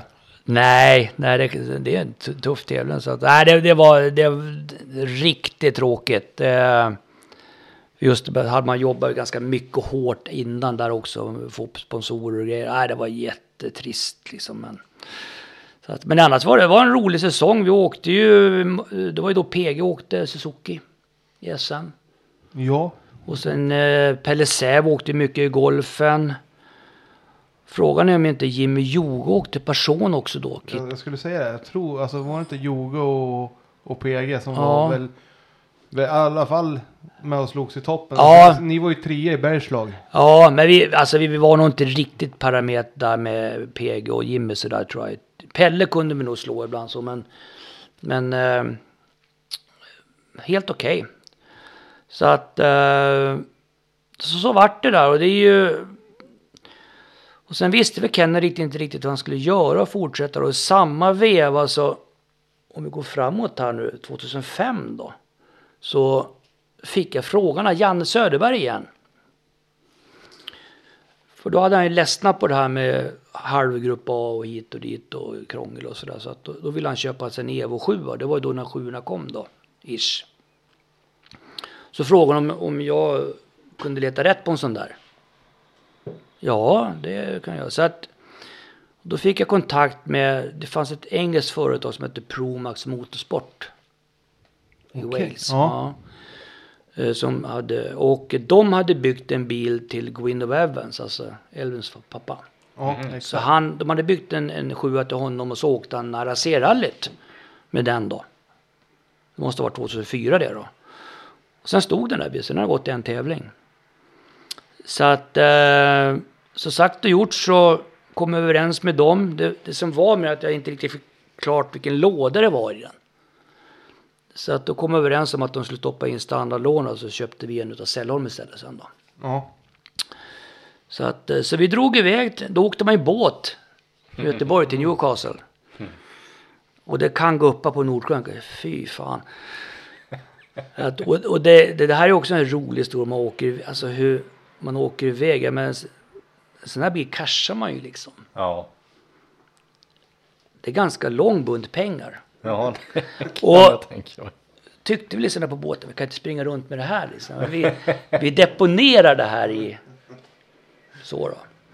Och så frågar vi, kan, kan, kan jag deponera lite pengar? Så, ja, det kan du göra. Så kommer ett kuvert. Ah, har du något skåp? Ja, det har vi. Så lagar jag upp det där. Det var så här mycket ungefär. De bara som tittar på oss, vad fan är det för människor? Jag tänkte de, vad höll de på? Ja, Vad är det här för pengar? Ja, precis. Nej, men det var ju schysst så, så det var väl liksom ingen fara. Så då åker vi över där och sen träffar vi de här eh, från Promax i hamnen. De bara lastar av bilen, tar emot betalning och så fick vi papper på den och så åkte vi hem. Men ni åkte, åkte ni inte en tävling i... I England? Jo. Jo. jo. För då när vi var där, vart och pratade om det liksom att kan inte de hjälpa oss att få åka någon i brittiska mästerskapet där då? I Wales. Så att eh, så då, eh, då bestämde vi det att när vi, vi tar hem bil gör ordning och allting så kommer vi ner och åker på våren då till Wales då. Så att eh, så det gjorde vi. Så får över där och åkte. Det heter nu Rally of Wales heter det den tävlingen där. Det är ju där nere där AC och det går där. Ja, jag tänkte säga, det måste ju vara typ Sweet Lamb och alla Ja. de här. Så att, eh, ja, det är ju ett häftigt ställe. Så att, och det var ju en eh, upplevelse att få åka de sträckorna och hur skillnad det just med, med varningar och sådär. Det är ju här så bandar vi ju om det är farligt och man talar ju verkligen om om det är farligt. Och så. Mm. Man har någon annan filosofi där. Alltså, för vi fick ju arrangörsnoter utav, ja, det var nog han som åkte med, vad heter han? Som åkte med eh, Petter Solberg på slutet. Chris Pettersson. Ja! De gjorde, eller han eller vem, hans familj, någon gjorde arrangörsnoter. De var ganska dåliga om man ska vara helt ärlig. Men det, det, det, vi fick dem i alla fall. Och då på reken så kom det en jättelång uppförsbacke så står det i noterna. Så, då tittar jag så här och det står kanske så här 500 och det bara långt upp så där. Och så, bara, så ser jag liksom att det svänger höger. Så står det bara fresh air. I noterna. Fresh air och så hög liksom Fresh. frisk luft. Vad fan. Och när vi kommer upp där, då får jag se, det sitter en, en banderoll sådär. Bortom, bortanför vägen så här. När jag kommer upp där, ja, det var det fritt fall på en 70 meter rätt ut där. där. Fresh air. Fresh air och så var det en liten banderoll så det var det. Så att, eh, men det, det var, men eh, vi åkte den tävlingen, det var jättekul. Ja, då lärde man sig att i varningar i England så tar man det lite lugnare. Ja, så är det. Och så att, eh, nej men det, det var jäkligt roligt och det var kul sträckor och Sweet Lambo där som man får se på tv jämt där med vattensplash och Ja. allt det där. Så det är ju jättehäftigt. Så att det var verkligen roligt. Du, det kan jag tänka mig att eh, få uppleva sådana sträckor. De är ju legendariska i, Ja. i RAC alltså. Nej men så är det. Man har ju sett det på tv och så får man åka där själv. Och, så att, och sen hela den här äh, grejen att det är liksom... I England så är ju rally ganska stort. Liksom. Ja. Det är ju det är lite så upphausat runt omkring och det är en väldigt... Eh, man är välkommen och så är det inte så jäkla noga. Om man står i en, TK-kö och väntar då åker man ju inte in först man ska. Nej, de kom det grabbar, vi löser vilken tid ska du ha? Det var inte så petnoga liksom. Och, så att det var, det var eh, soft och avslappnat på något vis. Ja, det är ju, det är ju skönt på ett sätt. Men Då måste det bli roligare att köra också när det är en sån stämning tänker jag. Det blir ännu roligare att köra. Ja, det, ja men det är, det var ju Ja, roligt okej. och sen, sen var det ju nerfört att få åka England. Alltså det är ju sån skillnad på underlag. Det är, Mm. Du har ju någon typ av skiffer i stenarna där. Och du vet när det regnar på det där och blir halt, det blir rena såpan. det kan jag tänka mig. Och man, man har ju sett många som glider av vägen Ja, på ja. RAC. Så. Ja, ja, nej Man, man kan det... ju bara föreställa sig hur halt det blir. Ja, så att, eh, nej, det var en erfarenhet rikare att få göra det. Så vi kom i mål faktiskt. Jag vet inte vad vi vart, det var nog inte så jätte, men det var kul och, och det var lärorikt. En sak jag tänker på, bilen var byggd i England. Mm. Men den var fortfarande rätt styrd. Ja, Det är lite... Ja, men och, och du tänker på han eh, Evans. Ja, Han åkte ju exakt. Kit Scott innan för Gordon Spooner Engineering där. Ja, Den var också vänsterstyrd. Mhm. okej. Ja. Så att... Det är eh, lite Ja. unikt. för Ja, jag tänkte Ja. säga. För Mitsubishi är ju högerstyrda från början. Ja, ja. Så tänkte jag, om de kom till England så trodde jag inte att de gjorde om det så att det blev vänsterstyrt i alla fall. Ja, den här var vänster. Ja, det var en jättefin bil. Den var ju riktigt potent. Jag fick till och med plocka, plocka bort lite saker när jag kom hem för det var ju inte riktigt grupp N. Eh, Det satt ju ett riktigt sånt här lounge-system på den och det Ja. startsystem och det får man ju inte ha så det fick jag ta bort och sådär. Men, nej, men det var, det var, den var jättefin. Den där bilen eh, åkte sen eh, Göran Lindström i många år. Stockholmaren där. Lacka. Där ser man. Och nu är det någon som heter Amund Skoglund, en norrman som har den. Du har kollat upp historien på bilarna. Du har gjort det? Ja, nej, men det, det, det, nej, men det, jag har varit lite nyfiken på att det är en rätt rolig historia kring den där just så att... eh, Men hur gick det när ni tog hem till Sverige? Nej, Med- med nej. å- Hur menar du hur vi gjorde? nej. Nej. Nej, hur det gick säsongen. Ja, vi tog, ja då. Eh, det ska vi se här. Vi åkte några tävlingar med den där. Eh, lite SM och så. Jag tror det var lite blandad kompott. Eh, undrar om inte det var där vi körde bort allting i Sydsvenska tro. Det står fjäderben, eller att ni bröt för fjäderben, eller Ja, fjädring. ja och det, det var det 2005 det. Jajamän. Ja, du vet, då gick du i Växjö startmål. Då startade någon sträcka på lördagen och det var ganska dålig väg så vi åker på vägen alltså. Ner i en höger. Men det var ju typ så djupa spår. Och då klipper vi en sten så för höger fjäderben går rätt av. Då tappar vi styrningen så vi får av på vänster sida. Då klipper vi vänster fjäderben. Och ett höger bak också. Så det försvann liksom i princip alltihop där. Och åka på vägen. Aj, aj, aj. Mm. Och fjäderben är ju inte det roligaste att, att byta. Det Nej, kostar på lite då. Ja, så är det. För Det var ju bara att bryta för vi hade ju inte de grejerna. Det gick ju sönder ganska mycket så att... eh, Så att det... Alltså det, det, sen uh, åkte vi mer då. Vi åkte några tävlingar med den här bilen så att den... Men det var nog inget sådär som jag kommer ihåg riktigt. Så. Om inte du har något annat där. Nej, jag vet att du, ni åkte Kolsva. Ja. Det, då kom ni i mål i alla fall. eh, Femma i klassen och, Mm. och så. Men sen vad heter det, så gjorde du ett inhopp med norrman där i Rally Ja, just, Hedmarken. ja, just ja, just ja. Rune. Rune Dalsjö. ja. Där har ju karriären kunnat ta en annan vändning. Det var lite festligt på sitt sätt. För att då jobbar jag faktiskt åt eh, Modern Betong. Okej. Eller Modern Betong är ett företag, men Dick Söderberg äger ju det. Men så var han också VD för ett företag som hette, då hette Degussa. Och Degussa är egentligen leverantören av produkten Modern Betong har. Men jag jobbade åt Degussa då, men det var ju Dick som var chef så. Där Och då, ser man. ja, då är det så att Rune Dalsjö var det huvudsponsor utav Meiko. Och Meiko är också en Degussa-produkt. Som man har till sprutbetong till gruvorna. Och då, tack vare det då så visste, och i och med att Dick var intresserad så, ja det är ju samma företag och det var i Norge och han behövde en ny kartläsare. Så att då var jag över dit, pratade med honom och åkte lite test där på hösten.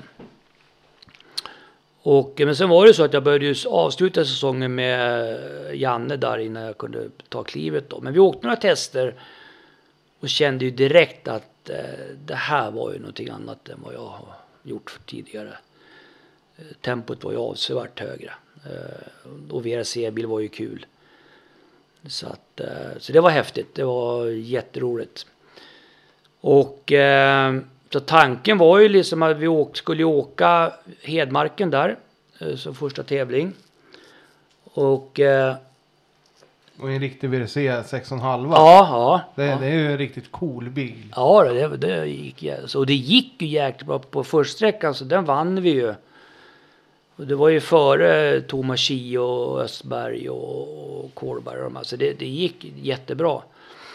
Och på andra sträckan så gick det jättebra tills, eh, ja, den finns ju på vignetten på eh, Norges motorsportprogram. Ja, det, det är fortfarande en blå Mitsubishi. Kommer ner över ett krön så att det är ett hopp och så tappar vi linjen så går vi ut i en ytter. Ner i dik och så rullar vi fram länges och landar i Ja skogen. men det känner jag igen när, Ja. när du berättar det. Mm, det fi- finns ju på film där. Så att, eh, så det vart ju lite, vart året då. Så det var ju synd. Eh, och då blir man ju så här bara, fan också liksom. Hörde han inte mina noter? Eller man blir alltid fundera så. Eh, och sådär. Men, men det var inga problem med för han hittade, han kunde åkt utan noter där sa han. Det var lite mycket vilja kanske. Men gick för fort in helt enkelt. Så då vart det skit där. Men sen var planen på att eh, åka VRC året därpå. Men att man ta hem en Peugeot då, 206. Spännande. Ja. Och eh, då hade han några killar som jobbade med det där åt han i Norge. Försöka lösa det där. Och ta hem en bil och vi skulle lägga upp åkandet och så. Men det brast väl i pengar sen. i slutet. Det, det drog ut på tiden och det hände ingenting. Och han visste liksom inte och tiden gick ju där och mitt i det här så fick jag frågan av Hasse då. Med Subaru Swedish Dealer Team där. Ja, det för de drog igång där till... Hade de åkt ett år eller Nej, var det det, var första året, ja. 2006, Ja, 2006 när, när de drog igång? För de var väl flera bilar där? ja. Det var ju två bilar till att börja med då. Så, att, så då ringde Hasse mig till hösten 05 då. Och då, vet- då vart det så här, hur gör jag nu liksom så här. VRC är ju VRC liksom, det vill man ju sådär. Men samtidigt så var det ju inte klart. Så ringde jag och pratade med Rune och då tyckte han att, nej men ta det där med Subaru för att. Och det var ju en satsning på tre år. Då vet man ju att jag är tre års tid då. Ja, men det, det är ju skönt att ha. Något Ja, sånt hade du inte haft innan. nej det var första gången jag åkte i team så liksom. På riktigt då. Så det, så det var kul. Eh, Så då tackade jag till det. Eh, och- Och det var ju tre fantastiskt roliga år. Det är jättekul. Eh, Och jag hade ju förmånen att få åka med också till Mäkinen och hämta bilen då när den var färdig.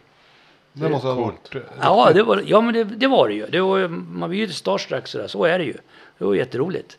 Men var det, hämtade ni någon smäken Mm. alltså? Hemma hos, alltså där han hade sitt från början då. Innan de flyttade ut sen det stora då.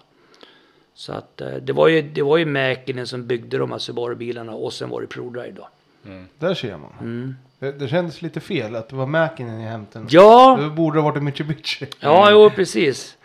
Så att, eh, nej Hasse gjorde ju ett fantastiskt jobb att dra ihop det här. Det är eh, riktigt, riktigt bra. Eh, det låg nog mycket timmar bakom det där. Så, att, så det vart det till en början med två bilar då.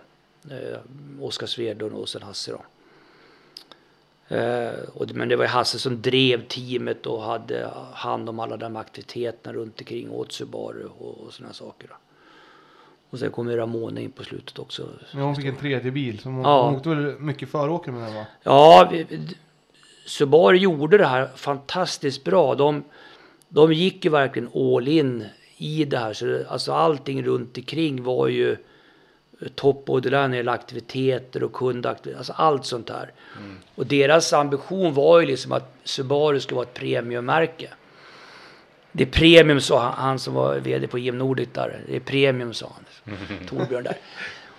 Och, det, och då drog man på det liksom. Så att Svenska rallyt där 06-07 då var, tog, släpade de ut alltså bord och stolar med vita dukar och kandelabrar i skogen. Då gör man Champagne och det, grejer. Ja visst, det, då, på våra kundaktiviteter. Det, Häftigt. det är coolt. Ja. Och sen så köra bilar då. Med, de tog in bilar och plogade upp en sjö. Så att det var jättemycket sånt. Fantastiskt Det roligt. måste vara kul att få vara med och uppleva också. Även fast man ska koncentrera sig på tävlandet så är det ju det, är det här vi pratar om. Partnershipet och, och kunna bjuda tillbaka till sina partners. Ja men så är det ju. Det är ju alltså, det är en förmån att få vara med om något sånt här på den nivån. Och, eh, och det är så många som stöttar en i det här. Liksom, och, och sen, eh, men det, det är ett... Alltså, jag tror inte folk förstår hur mycket jobb det är. Det låter ju så bra liksom att Ja men drog man ihop och så fick man med sig Subaru Sverige och så har vi ett, ett Subaru Swedish Dealer Team och så vidare. Men de timmar Hasse har lagt ner på det, alltså det är enormt mycket tid alltså, under de här åren. Ja det måste det ju vara. Alltså, man kan nog inte, som du säger, man kan inte föreställa sig vad, vad man måste göra för att få till en sån här, såna här dealar. Nej, det, det, det är ju inte bara att få stöttning utan du ska ju betala tillbaks på något sätt och sådär. Sen är ju Hasse är ju fantastiskt duktig när det gäller event och sådana saker. Uh, och då, har, då är han ju, dels är han själv duktig på det där och marknadsför de bitarna. Och sen samarbetar han också med Car Events som också är jättebra på det här. Så Car Events hade vi till alla aktiviteter. De löste alla aktiviteter på tävlingarna åt oss då. Så att, eh, nej, så det var, det var kul. Och då var, sen kom ju Ramona in och då, den bilen hon åkte föråkare med, det var ju egentligen en bil som Subaru bara släppte till oss och vi satte in bur och lite stolar i. För att, Det var därför hon inte fick tävla va? Ja, den för var ju inte reglement. nej, nej, precis. något reglement. Nej, det var ju en standardbil. Det var ju ingen liksom...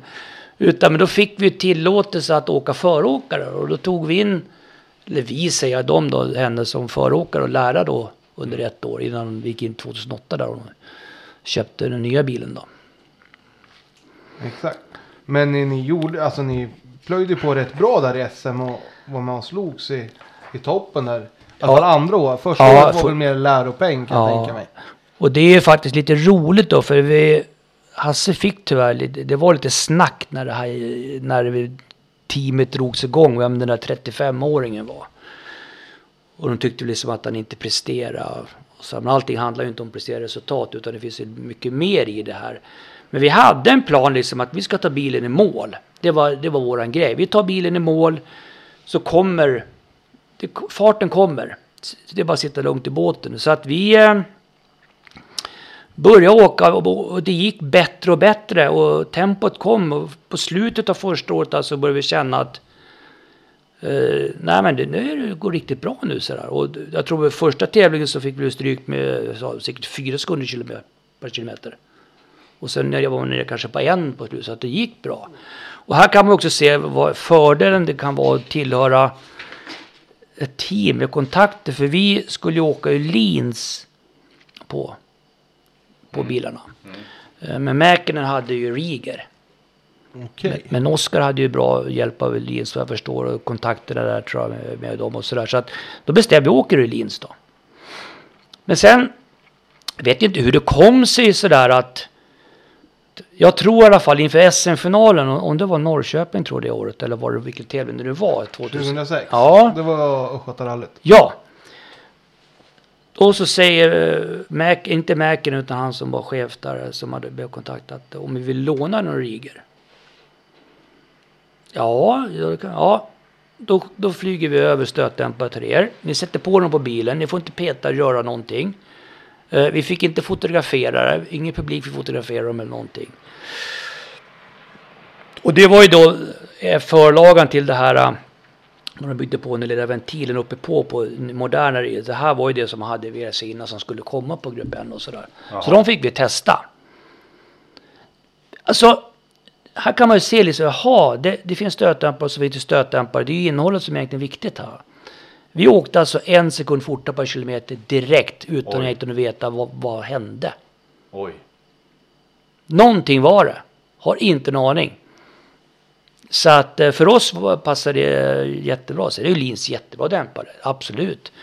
Men Det kan ju ha med körstil eller vad som. Så kan det vara. Alltså, man, jag tror mycket är att stötdämparna går att utnyttjas till 100%. Men svenska chaufförer kanske utnyttjar sina till 40-50%. tricket är ju att ställa in dem och det är ju inte så lätt. Nej, och det är ju där, då kommer vi till det här med budget igen. Mm. Du måste testa och testa för att veta hur du ska vrida på det där. Och vilken vägtyp du ska åka också. Ja, och sen veta vad du gör för du kan ju inte bara vrida på ett ställe. Och, nej, de är duktiga de här teknikerna som är duktiga på det och då har man duktiga tekniker med sig på sånt här. Det är jättemycket värt. Det är, det är lätt att skruva bort sig. Fullständigt. eh. Men det, så det där vart ju liksom ett, eh, men fan vi kan inte åka. Vi- Så då, eh, då vart vi åka Riger sen 2007 då. Och det måste ju ha varit kännas bra för att avsluta säsongen med åka en, en sekund per kilometer snabbare. Ja, det var ju, alltså det kändes ju, det där passade oss väldigt bra och, eh, och sen till 2007 var ju roligt så för då hade vi fått upp eh, tempo på riktigt. Då gick det faktiskt riktigt bra och jag, jag tror vi tog flera totalsträcksegrar för eh, Jonsson och dem också i Sandviken bland annat. Så att eh, och vi hade jättemycket fighter med eh, Jerker Axelsson. Faktiskt två gånger, det här är lite roligt, eh, kanske Jerker kommer ihåg. Vi åkte bland annat upp, jag tror det var Vännäs. Och så, han ligger till oss 12 sekunder före oss inför sista sträckan. Och det är inte en speciellt lång sträcka, men vi tar han Oj. och g- går förbi han med bara någon sekund. Och samma Visa var det i Sandviken. Att han ligger före och de tänkte, ja men de kan, för då var han sträcksnabbast tills vi kom, men det där tar de ju aldrig. Och så lyckades vi klippa och tog en placering till där. Så det var lite roligt.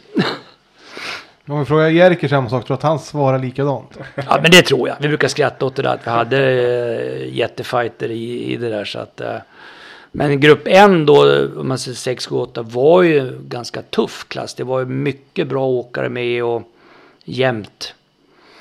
Att, uh, alltså det, det, var fantastiskt uh, roligt med, med Subaru där och en väldig förmån att få vara med om det. det att, för vi åkte ju svenska också då varje år. Ja, det gick kanske inte lika bra. Nej, uh, första 2000 sex där så ska vi se, då bröt vi där då. Ja, åtta bröt vi i alla fall. Nej, 2006 så tog ni er i mål. Ja. 2007 bröt ni. Då bröt vi och 2008 bröt vi. Så att eh, det var lite sådär. Och 2008 där var ju med nya bilen. Den eh, genade vi nästan första sträckan och fick en massa snö. Så att den gick varm då. Så då stannade vi där och, och försökte fylla på vatten. Vi hade ju inget vatten och då kommer det några överförfriskade, jag tror Estland eller någonting, en bil där. Men det kan ju hela, ha ramlösa har vi så vi fick ju några packar ramlösa av dem. Så. Vi hällde i då. Men det, det, var ju det var för dåligt så vi fick ju bryta dag ett. Och, då, och då kom också en sån där grej just det här att varför jag älskar rally det är ju för att liksom, typ som händer här nu det är ju det att vi står där på Svenska rally efter dag ett med ja, topplåspackning gått. Var finns det en topplåspackning? Ja, Göteborg hos Per Johansson, de har den. Det är en bit. Från, Det är en bit. är från- Ringer till Per. Ja, men jag är inte på verkstad, men jag har en polare. Han kan få hämta nyckel och sådär. Så vi lyckas få tag på en polare i Göteborg. Åka ner till hans verkstad, hämta den där topplåspackningen. Köra upp den till Karlstad. och ni som har skurit med Subaru vet att byta topplåspackning på Subaru, då är det ur med hela motorn. Ja, du ser. Ja. Det var mer än vad jag visste. Det är ett stort projekt. Det är ett stort projekt, om jag förstår. Jag, jag skulle rätt. Men så servicen lyckas med det där på natten. Byta topplåspackning på där bilen och få ihop det där till sju på morgonen så starta. Helt fantastiskt. Ja, det är ju, då är det ju... Det är ju det sånt här som ska lyftas egentligen. Ja, alltså det är ju helt galet. Alltså, vilka killar. Men eh, motorn hade, det hade gått för varmt så det sket sig i alla fall. Så, att, så det var synd då. Men, eh, men det var bra skruvat av dem, definitivt. Men jag kommer ihåg. Jag tror jag stod och tittade eller om jag stod en bit bort i Norrköping om det var 2007. Sju. Då gjorde ni en redig karamell med, Jajamensan. med den där Subaren va? Ja, Jag tänkte, för ni åkte ju Kåsarundan typ tre veckor efter. ja Christer Sten är duktig han. Ja, det, det blev inte en ny kross utan det blev... Nej, det lag, Det- ja. Nej, den hjulen satt där de skulle. Ja, Men det vart ju en jäkla karamell där. Det, och det där, den där, jag är så dålig på att komma och sträcka, men den där sträckan är ju känd där. Vi har ju åkt den, vi åkte den nu förra året tror jag till och med. ja Jag två, åkte, två eller tre år sedan. ja, ja, ja. Nej, och det, det, har- det ligger på yttern en liten sten i kanten som är som en liten en platå så här. Och vi kommer med alldeles för hög, hög sladd och det och med fullt rattuslag och det hugger det på den stenen på inne så den vänder ju om bilen. Sen börjar det rulla. Vi rullar väl fyra varv tror jag på vägen. Innan vi För det blir, det blir som ett lappkast. Ja, ja, håll, typ. ja. Så att eh, det vart det fyra varv då. Eh, Men det var ju liksom inget, det var ju bara kosmetiskt så att det är ingen fara så. Då. Det är rätt inställning. Ja, ja, ja. Nej men eh, och Christer hjälpte oss där så att det är eh, han är ju hyfsat säker på på- Ja, han- han kan sin sak om vi säger så när det gäller Typ. att dra, dra ihop bilar. Alltså, han kan nog få det mesta se rätt bra ut efter. Ja, han är jätteduktig. Så enkelt är det. Nej, så att han, eh, han lagade upp det där så att vi kom, kom till start. Eh, sen var det ju till finalen där sen så jag kände ju inte någonting riktigt sådär då när vi rullade. Lite öm kan man vid kroppen sådär men och tills jag sen kände när jag klev in i bilen och drog åt bälten igen att jag hade nog fått smäll i revbenen. Aha. Så att första sträckan så när vi drar iväg så jag bara... "Ugh, ugh. Vad är det Niklas? Vad är det? Och så här, Vad fan, ont i revbenen. Jag ska stanna då. Nej, åk så jag. Skit i det. Det, det löser sig. Men, ja, jag åker på sa han och, och så där. Och så, och så kom vi i mål där och de pratade hit och dit och så provade vi en sträcka till och jag satt ju bara stönade där i stolen. Och då hade ju Ola Strömberg fått reda på det där. Så då, då kommer han och stoppar in huvudet. Jag har hört att det är jävla gnäll om någon revben i den här bilen liksom. Då var han inte populär, men jag kan skratta åt det idag. men eh, ja, så in på service, det här går ju liksom inte. Vad göra för att liksom vi ska få det här, här är det preskriberat nu men, och då tar vi en kudde, sen letar man rätt på någon som har tre triangeltabletter. Ja. Triangeltablett. Ja, värktabletter, Jo. modell starkare. Så två sådana och en kudde i stolen, sen löste sig den tävlingen. Så. Är Det var tur att det inte var dopningskontroll efter det där ja, kanske. precis. Ja, men det, nej, värktabletter går nog inte på dopingen så va? Jo, Det gör det, det gör det. Ja, ja. Så kan det då vara. Men det fick det vara i så fall. Nej, det, det, det var lite kämpigt. Det gjorde ganska ont. Du, det kan jag tänka mig. Och något man inte upplever innan man... Men annars brukar vi kanske känna det någon... Ja, man tycker ju så. Men det var, men det, det var precis med att det tryckte precis där. Och så det var, ja, det var jäkla... Att, men eh, ja, nej, men det, det räddade sig till sist. Så att, ehm, För du hade inte känt något när ni reko där heller? nej. Nej. Ja, det blir ju när G-krafterna börjar. eh, Ja, sen är man stor, en vanlig stor trycker ju Nej. inte där bak som det gör på, på en tävlingsstol. Då, så att det var ju... Så att, nej, det var ju... ehm, så vart det. Men det, vi kom i mål i alla fall där, så jag tror vi vart väl... Jag tror det vart fyra SM det året totalt. Där. Så att, eh, Men det måste ju ha varit tre fantastiska år att få åka med sån uppbackning och, och ett professionellt team. Och, Absolut. Det, det, det är en förmån att få göra det och det är väldigt lärorikt eh, att göra det. För, det. för det är ju ett steg till liksom och man har ju ett ansvar gentemot sponsorer och de som backar upp en att allt ifrån det här med vett och etikett och hur det ska se ut och vad man gör och inte ska göra och vad man skriver på sociala medier, så är det massor sådana saker. Man har ju ett ansvar gentemot sponsorerna där. Så, att, eh, så det var jättebra. Sen 2008 då kom det en ny bil.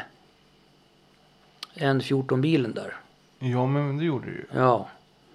Och då hade vi avtal med Subaru att när den nya bilen kommer då ska vi ha en sån. Men den var ju inte så bra i början. Jag tänkte säga, den var väl mycket barnsjukdomar och den gick inte. Det gick väl aldrig riktigt fort skulle jag vilja säga. Men, jo, det, det, det visade väl Flodin sen. Han åkte ju jättefort i en sån. Ja, men i början. Nej, i början så var det var någonting mer och jag vet inte riktigt vad Jag är ju inte någon eh, bilmäck på något sätt, men om man sa de positiva delarna så är det väghållningen var ju en fantastisk bil. Alltså jättebra väghållning, gick bra på vägen och hållbarheten var, alltså allt det där var ju hur bra som helst. Men det var någonting mer än att när det gick på moment, alltså så ungefär som att det inte, det, det hände ingenting. Så att du, du du hade effekt i bromsbänk och allt det där, men det vart nå, någon störning där och, eh, och man höll på att lägga. Jag vet att Oskar testade jättemycket för att få ordning på det där. Eh, och jag tror faktiskt att Per Johansson kom med lösningen sen. Jaha. Det var lite roligt att det är i Sverige då. hit- Ja. Men, men jag, jag är inte så insatt i vad det var för någonting, men det var, det var något. Han löste Subarus världsproblem. Ja, det var ju något. För att i början så, så för bilen vart ju snabb sen. Så att, ehm, Jo, men det gick ju bra efter ett, Ja, ja. ett år eller något sånt där. ja. Så att eh, det vart bättre. I början var det lite sådär så att. eh, men annars har ju, har det ju varit, alltså just det här att vi. De tävlingar vi bröt. Ja, då har det varit bromsproblem. Uh, åkte i snödrivan, är ju inte bilens fel heller. Eh, eller jo, det kan man ju. Nej. Men Oskar, lyckades han ta något SM-guld med? Ja, men vart han inte... Visst fick han med sig någon medalj? Ja, någon medalj, men lyckades han vinna något då? Jag tror... Flodin ställde väl till det där va? Han vann i alla fall. Han åkte, vann utan 07. Han vann väl allt gick att vinna då han. Ja, kan ha gjort så ja. Så det kanske var också även 08 då. Jag kommer faktiskt inte ihåg. Nej. Det får vi, då får vi ta in Oskar och fråga får ta in, ja det får du göra och fråga han vad, hur det var. Så att, eh, nej, så det, det, men det var jätteroligt och väldigt tacksam att Subaru ville vara med på det här. Och det, de uttryckte sig nå- någon gång där efter de första tre åren att det här var bästa som hänt Subaru. Ja, men det kan jag tänka När de tittar på själva hela bilmarknaden och, och sådär. Så att, eh, Men många, alltså Subaru var, är ju en bra bra servicebil för de som håller på på hobbynivå. Tack vare att den är fyrhjulsdrift. Alltså du fick dra rätt mycket med dem. Och, Mm. så jag tror många kanske fick upp ögonen lite mer för Subaru tack vare det här. Ja, sen gick de ju in i det med liksom att med den inställningen att de ska göra någonting utav det här. Det innebär att man engagerar ju hela Subaru Sverige, alla återförsäljare och allting som var med i det här. Vi hade aktiviteter hos återförsäljarna, bjöd in dem på tävlingarna och så vidare och så vidare. Så att det vart en stor grej utav det. Så att eh, så det, det var ju inget halvdant någonstans utan det var fullt ut. Så det var jättebra. Ja, det är kul när det blir en helhjärtad satsning från, från större företag. Ja men så är det. Absolut. Men eh, när de här tre åren var slut då, var Hasse behöll bilarna, eller hur? Eller? Ja, för att tanken var ju att det skulle bli tre år till. Eh, och det var ju mer eller mindre klart att de skulle köra tre år till. Eh, men de hann väl inte mer än att komma överens vad jag förstår. Om jag förstår saken rätt nu så kommer Subaru, alltså världsteamet, vet du det, lag sig ner ProDriver här. I hela VM. Ja, men just det. Ja. Ja, och då lägger man ner det då, då är det klart då läggs det ju ner satsningarna på lokal nivå också. Så att eh, från att eh, sitta där med två bilar och så bara få ett samtal att nej, det blir ingen. Ja, det, det är tungt måste det vara. Ja, det var... Eh, Det blir ett hårt slag i det, ansiktet. ja, alltså fy fan, det var synd om Hasse då tyckte jag. Det, Sjukt surt. Ja, men det är det ju. och Han jobbar ju verkligen för det och sådär. Men han åkte väl någon tävling i egen regi efter det där. Men det Så var hyr- nog tufft. Så hyrde han ut bil, de där, har jag för mig. Ja, han har ju hyrt ut, eh, ja men till Ny, vad heter han? Nyköping där hyrde ju någon gång. Ja, Johan där. Johan ja. Eh, och sen har han väl också hyrt bilen till, eh, vad heter han? Kraft, styrkelyftarna, vad heter han? Samuelsson. Samuelsson ja, Svenska rallyt. Hyrde eh, inte Ramona ett, nästan ett år också? Eller? Det vet jag inte. Nej. Jag tror hon åkte något år extra där i alla fall. Med Subaru. Hon hade ju, eller hon, det var ju Svita som hade en. Hon hade ju en 14 bil Ja. sista året där. Och jag vet inte, för den tog ju han tillbaka, eller det var ju hans bil, Svitas där. Ja, Osbo. Osborn ja. Exakt. Eh, men jag vet inte. Nej. Nej, för jag, jag vet ju att eh, han hade några att hyra ut i alla fall ett tag. Hasse. Ja, jo för han hade ju både en 14 bilen och en 12 kvar där, så det är klart att det, det gick väl att hyra ut. Så att... Eh, och sen hyrde han väl ut bilen då, jag vet åt Pirelli där också, de gjorde vintertester och så. Okej. Ja, Där ser man. så att... ehm, Men 2009 då? Då, kan jag tänka mig att du, du blev ju också lite satt på pottan där. ja, Om ni hade planer på att åka en hel säsong till där. ja, planen fanns ju där, men det där var ju inte så mycket åt, utan han, fick väl lägga fokus på att överleva det där. Och det är ju... Så det var, men jag åkte, vi åkte ju Värmland runt. Jag tror det var trea där, alltså jag. Eh, Det var då mm, i Hagfors ja. Det SM var, där. ja, det var bara SM då ju. Det var bara SM då. Ja. SM-del. Ja, Det- För det blev ju bara, det blev väl, det var då det gick i Norge. just Det det. Just det, just det. Så då åkte, där åkte jag med den. Och sen åkte jag med eh, Tommy Westlund i Lima. Faktiskt. Eh, och med hans Evo 7 där.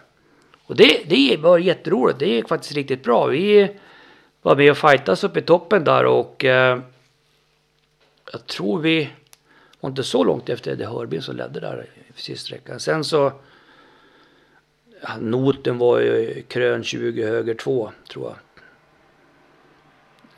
Sen eh, vet jag inte riktigt, han bromsade nog ganska sent. Jag hör bara ops i noterna, eller fan eller vad han säger, eller i lurarna. Sen sa det bara poff och så stod vi där. Det blev ett hål i vallen kan man säga. Ja men och det var mycket snö. Och, eh, och vi stod ju så dumt till då, så att eh, så jag fick, gick upp på krön och stod där och det har jag fått äta upp idag. Han tycker jag är dålig på att skotta snö men Alltså jag tycker ju som så, den som tar bilen av vägen ska också ta bilen på vägen. Så att, eh. Men Tommy gjorde ett bra jobb där. Jag tror, jag tror till och med filmade honom, det kanske det han inte varit så glad över. När han börjar skotta då står han alltså med bil, alltså då har han ju taket nästan i knähöjd så här för att det har sjunkit ner. Men sen sjunker bilen, alltså jag tror det sjönk en och en halv meter innan han överhuvudtaget fick bort alltså runt den. Ja, Det var helt galet. Men sen kom det någon bonde där i alla fall och drog upp oss så att det löste sig. Ja, du ser. Det är bra med bönder ibland. Ja, ja men så är det. Eh, vi åkte med på vinter. Jag åkte med Christer Sten, Finnskogsvalsen. Eh, I Korsan. Eh, och där åkte vi också vägen. Också en vänster, två. Som limar nu. Ja, var det vänster två i Lima? Ja, ja det var det nog, det var nog här också. Fast jag kom aldrig till det svängde. Nej. Grej, eller du vet ju vi rallåkare har ju alltid förklaringar till allt. Ja, men så är det. Så, vi, alltså, det är aldrig att det gick för fort utan vi har ju alltid nej, förklaringar. Och det, och det här är den här våran rimförklaring. Det var så att det var stopp i starten. Och det kräksnöade. Och vi stod alltså i startbilen. Något kopiöst mycket snöare. Och vi stod säkert en kvart där så det var ju mycket snö på väg. Och så kommer vi genom skogen där kväll, mörkt var det ju. Och så är det typ krön, sen är det typ bara 300 vänster 2 minus. Och när han kliver bromsen, vet du, i spåren där, det bromsar ju ingenting. Vet, så det var bara rätt i en gran. Så där stod vi. Så att... Eh, Skottade inte du heller? Var jo, då, jo, men då hjälpte det nog till, tror jag. jag vad mest bekymmer är att jag tappade min jobbtelefon där. Det ligger fortfarande kvar där. Aj då. Med ett x antal hundra jobbnummer i. Det- Den är inte riktigt... Inte så här jättebra. Nej. Det är en stor förlust. Ja. Men eh, den ligger kvar där än. Skulle jag tro. Jag hittar den inte. Den kom fram när det töade sen. ja. Så att, eh, nej så så vart det. Eh, så det var, var det, nej det är Så det jag fick, kom. så fick du åka med Tunström i slutet av säsongen? Ja! Han hörde ju också av sig eh, på hösten där och eh, då åkte vi ju Kolsva först va? Det stämmer bra där. Det gör det. Eh, och det gick, vi rullade faktiskt där också. Men vi kom vidare. Eh, Det är, det är ändå en bedrift att göra. Ja, det, det var eh, så här dumhet egentligen. Det gick jättefort ut och så har den höger över ett krön och det, var, jag tror Joge var jättenära där. Det är en liten vägförflyttning och vi låg väl inte riktigt rätt så det gled ut på vänstersidan och så högg det väl lite. Men vi rullade bara ett varv och sen stannade vi. Så det var bara att lägga ettan och åka. Mm. Så att, eh, så det gick bra. Och sen åkte vi, åkte vi finalen också då, eller var det Ja, i Katrineholm. Katrineholm? Ja. Och då blev, blev det bränsleproblem va? Just ja. Det var det där jäkla... Vi åkte, han åkte med etanol där, soppapumparna som... Det var något trassel med det där. Ja. Nej men det var väl kul att få åka lite med, med Tunström också. Ja, absolut. Och, och, eh, och vi skulle ju fortsätta sen där och han... Också en sån där eh, chaufför som är jätterolig att åka med. Otrolig ordning på grejerna. Eh, där sparas inte på kruten någonstans. Och, eh, var, och jättetrevlig person. Det är lugn och ro och ordning och reda. Och servicekillarna gör ett fantastiskt jobb där. Så det var... Jag tänkte säga, han kändes som lugnet själv när vi hade Mm. med han i, Ja, verkligen. Och han har ju inte brutit mycket på grund av tekniska bekymmer utan det är ju Nej, han är, nej, men han, är- han är faktiskt eh, jättebra att göra med. Jag, så det var, det var jätteroligt. Så att... Eh, så där, vi drog igång där 11 va? Eh, Ja, tio åkte ni hela 10 åkte vi för fan. Hela tio åkte ni med varandra. Hela 10 åkte vi ja. Eh, så var det ja. Eh, och, där, och då var ju 10 vi, det ingick i Rally Sweden också va? SM då. Det stämmer bra. Ja. Gör det. Just det. Och där, då fick vi åka sågen. Och det var roligt. Ah, vilken sträcka det är vet du. Den som inte åkt där, det är nog helt i hästväg alltså. Det är, det är en av Sveriges... Husås Andvik är ju just det är ju, Men sågen är... Ja, den är häftig. Ja, jag har stått och kollat på sågen. Ja. Det är mäktigt. Ja men det är ju då när det är som jag kommer det här året så var det ju strålande solsken och du vet en två meter snövallar och ett salsgolv att åka på. Det är ju jättehäftigt. Ja, det kan jag tänka mig. Det var lite, det var det jag tänkte säga. Umeå fick ju lite skit för att de inte hade någon sågensträcka. Och då tänkte jag så här, om de hade fått åkt Örträsk, Mm. då, då, hade de haft något att kunna jämföra med. Eller? Du som har åkt Ja, jag har åkt där flera gånger uppe. Jo, nej men alltså det finns jättebra sträckor och sådär där uppe så att det är ju... Det, det, Men Örträsk är någon speciell. ja, men så är det. det. Det är synd att de inte fick åka där. Det finns ju mycket bra vägar där så jag tror att det... De uppdaterar nog till nästa år kanske. Det kanske blev mycket Ja, fokus på annat. Ja, det vart ju mycket och det. sen strulet då med rennäringen där och så vidare. Mm. Och det är ju det är ju egentligen ingen som vet mer än de som sitter runt det bordet hur det har gått till och inte. Så att det kan ju vi bara spekulera om. Precis. Men nu har de ju säkert lärt sig allihopa, alla parter Mm. under det här året så att ja, det kommer nog lösa sig bättre. Det tror jag. Absolut. Så är det Och jag tänker det måste ju ändå. Du, du är nästan ingen svenska rallyträv skulle jag vilja säga efter. Du har ju åkt där rätt många gånger. Svenska rallyt ja. Ja. Jag tr- om jag inte har räknat fel så tror jag åkt åtta gånger där i, i hela VM-delen då. Kul! Det måste ändå vara. Fränt. Ja, Eh, det blir ju några stycken. Ja, när man, när man räknar efter så blir det ju det. Ja, men sen vet jag inte om Anders Sven, för jag åkte 93 där. Sen åkte jag med Anders Sven 2003. I en Honda Civic. I, också i VM-delen. Ja, hela, hela, ja. Sen åkte jag ju då tre, sen åkte jag ju då 6, 7, 8 med Hasse. Sen åkte jag ju med Daniel 17, 18. Det är sju det. Och Tunström. Och Tunström, ja just det. Ja, det blir åtta. Ja, jo, det är några gånger. Exakt. Men det var kanske bara SM-delen ni åkte med Tunström. Tunström var nog bäst som delen. Eh, Två år i rad där. ja, men sen åkte jag ju svenska med uh, Monelius också. I BRC2 VM 2019. Så det blir åtta VM. Ja. Ja. det blir. Du ser. Då har du, du har ju några år på nacken. Ja, är gammal. Det, blir, det har blivit det. Nej, det är ju... Men vad, om vi tar Tunström tillbaka dit då. Ja, Hur, ni åkte ju två år ihop i alla fall va? Ja. Hela säsongen där. ja. eh, och eh, det var jättebra. Han är ju... Alltså, det var bra på alla sätt och vis. Eh, och eh, jag vet inte riktigt hur hur det gick tio där, men vi var ju med där uppe och tempot var ju högt och så vidare. Så att det var väl egentligen konstigheter, men sen så gjorde vi en jäkla smäll Sydsvenska 2011. Det var då det blev ny bil va? Ja. Så Kommer jag ihåg från, och det är ju- från den podden. Ja, och det är ju en av mina värre krascher jag varit med om förutom den med golfen där, för det var eh, sådär. Och det är ett, det grämer mig fortfarande. Och Thomas var lite snäll mot mig där för att jag har nog stor del i den smällen. Aha ja. Mm. Det är inte så, det är inte så kul. Nej, nej men så är det. det är Men ju... eh, ingen människa är ju ofelbar. Så. Nej men så, misstag sker ju och det gäller att göra dem på rätt ställen och så vidare och det är ju och att allting är en kombination utav allting och så vidare. Men, men jag tycker att jag gjorde inte mitt jobb fullt ut där och det fick det väldigt ödesdigra konsekvenser. Men Thomas är ju en oerhört bra person så det var ju överhuvudtaget inga hard feelings på någonting och så vidare. Och det är, vilket jag är jätteglad för. För att, eh, men jag kan stå för det att det, det, det jag är en bidragande orsak till det i alla fall. Definitivt. Det kanske vi får höra mer om när Daniel frågar sen. På sina frågor han kommer med i slutet. Mm. ja, Vi, vi, vi sparar det till Sparar det. det, sen. ja.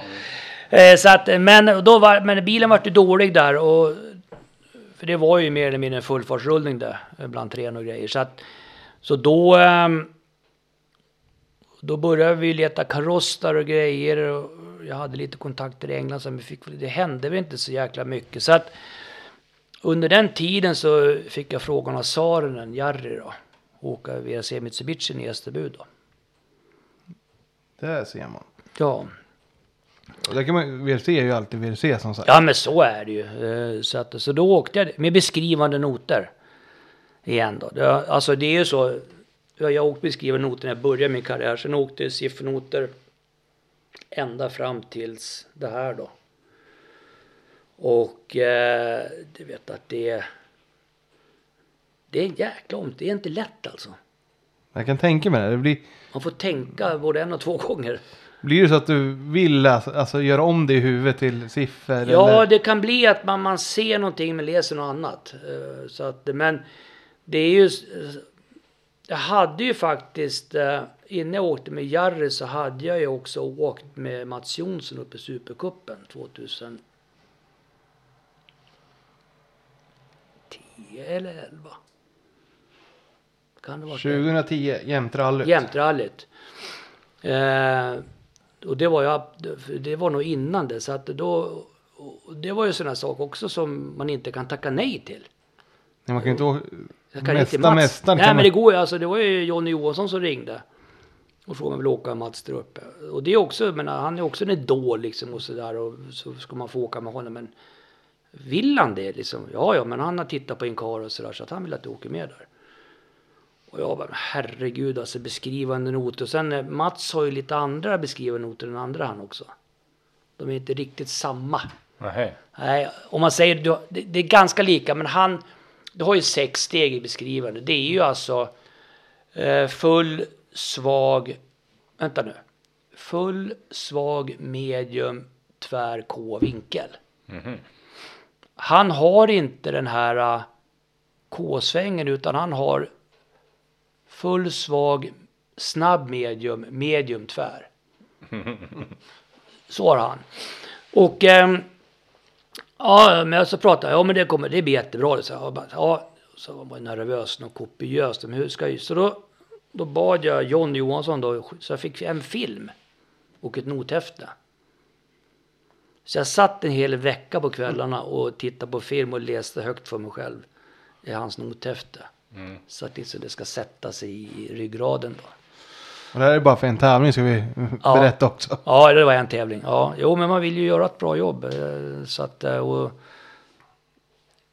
alltid haft den filosofin att om någon frågar mig då ska jag göra mitt yttersta så att det blir bra. Så gott det kan i alla fall. Så att jag vill inte kunna säga att jag kunde ha gjort någonting annorlunda eller bättre. Utan jag försöker alltid förbereda mig så gott det går.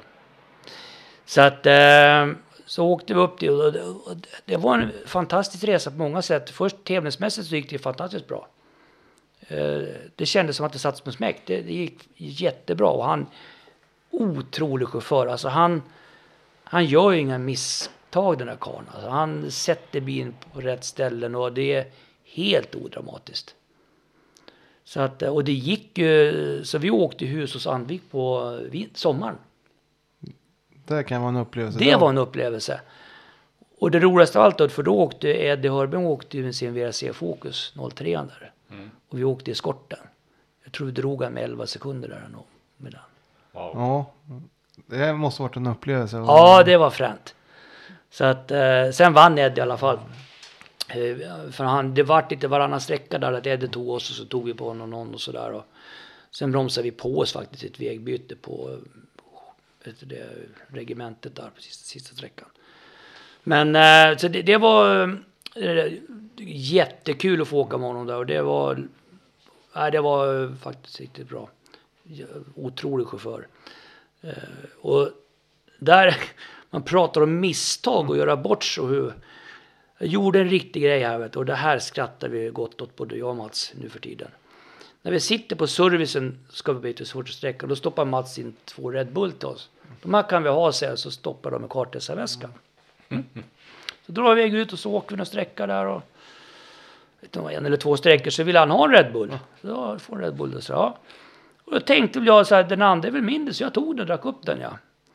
Sen går en sträcka till och då säger Mats, ja nu kan jag ta min andra Red Bull.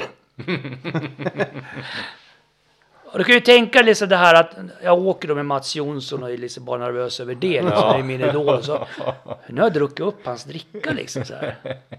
Det är ju inte riktigt okej. Aj, aj. Aj, aj, vet du. Och det här är ju bara, åh, jag tyckte det var så jäkla pinsamt. Men Mats han brusar ju inte upp utan jag tror vi fick vatten utav Eddie sen hur det var där. För det var ju varmt som sjutton. Men jag grämde mig över det där vet du och brukar skratta åt det här. Och så, och jag sa så, det här var ju då 10 där, 2010. ja, Men någon, någon gång så måste vi hitta på något kul kring det här. Jag kommer inte ihåg om det var 16 eller 17. Och Och jag kommer inte heller ihåg om det var på Reket eller tävlingen. Skits, det var på Lillsjöhögen i alla fall. Då var det så att uh, Ola Strömberg var ju radiopratare då. Så då köper jag ett sexpack Red Bull och har i bilen. Så vi kommer i mål, och då startar ju några som startar ju först då. Ja, just det. Ja. Så då står ju Ola med sin radio och så, så kastar det här. Du Ola, ge dem att till Mats Jonsson när han kommer. Och så hälsar du från mig och talar om att Niklas ber om ursäkt och det är dags att betala tillbaks nu. Säg bara det, sa jag. Så då, ja, och det gjorde han då. Det här var ju varit en succé. Det var jätteroligt. Ja, det, det är en sån anekdot som, Ja. som måste ha varit jäkligt kul. Ja, det var... Ja, Tog- men, Tog Mats emot dem där? Ja, ja, ja. ja. ja, men, ja men vi brukar prata om det där, Mats. Så han skrattar gott åt det. Så att det, var, det var roligt faktiskt. Så att, eh, ja.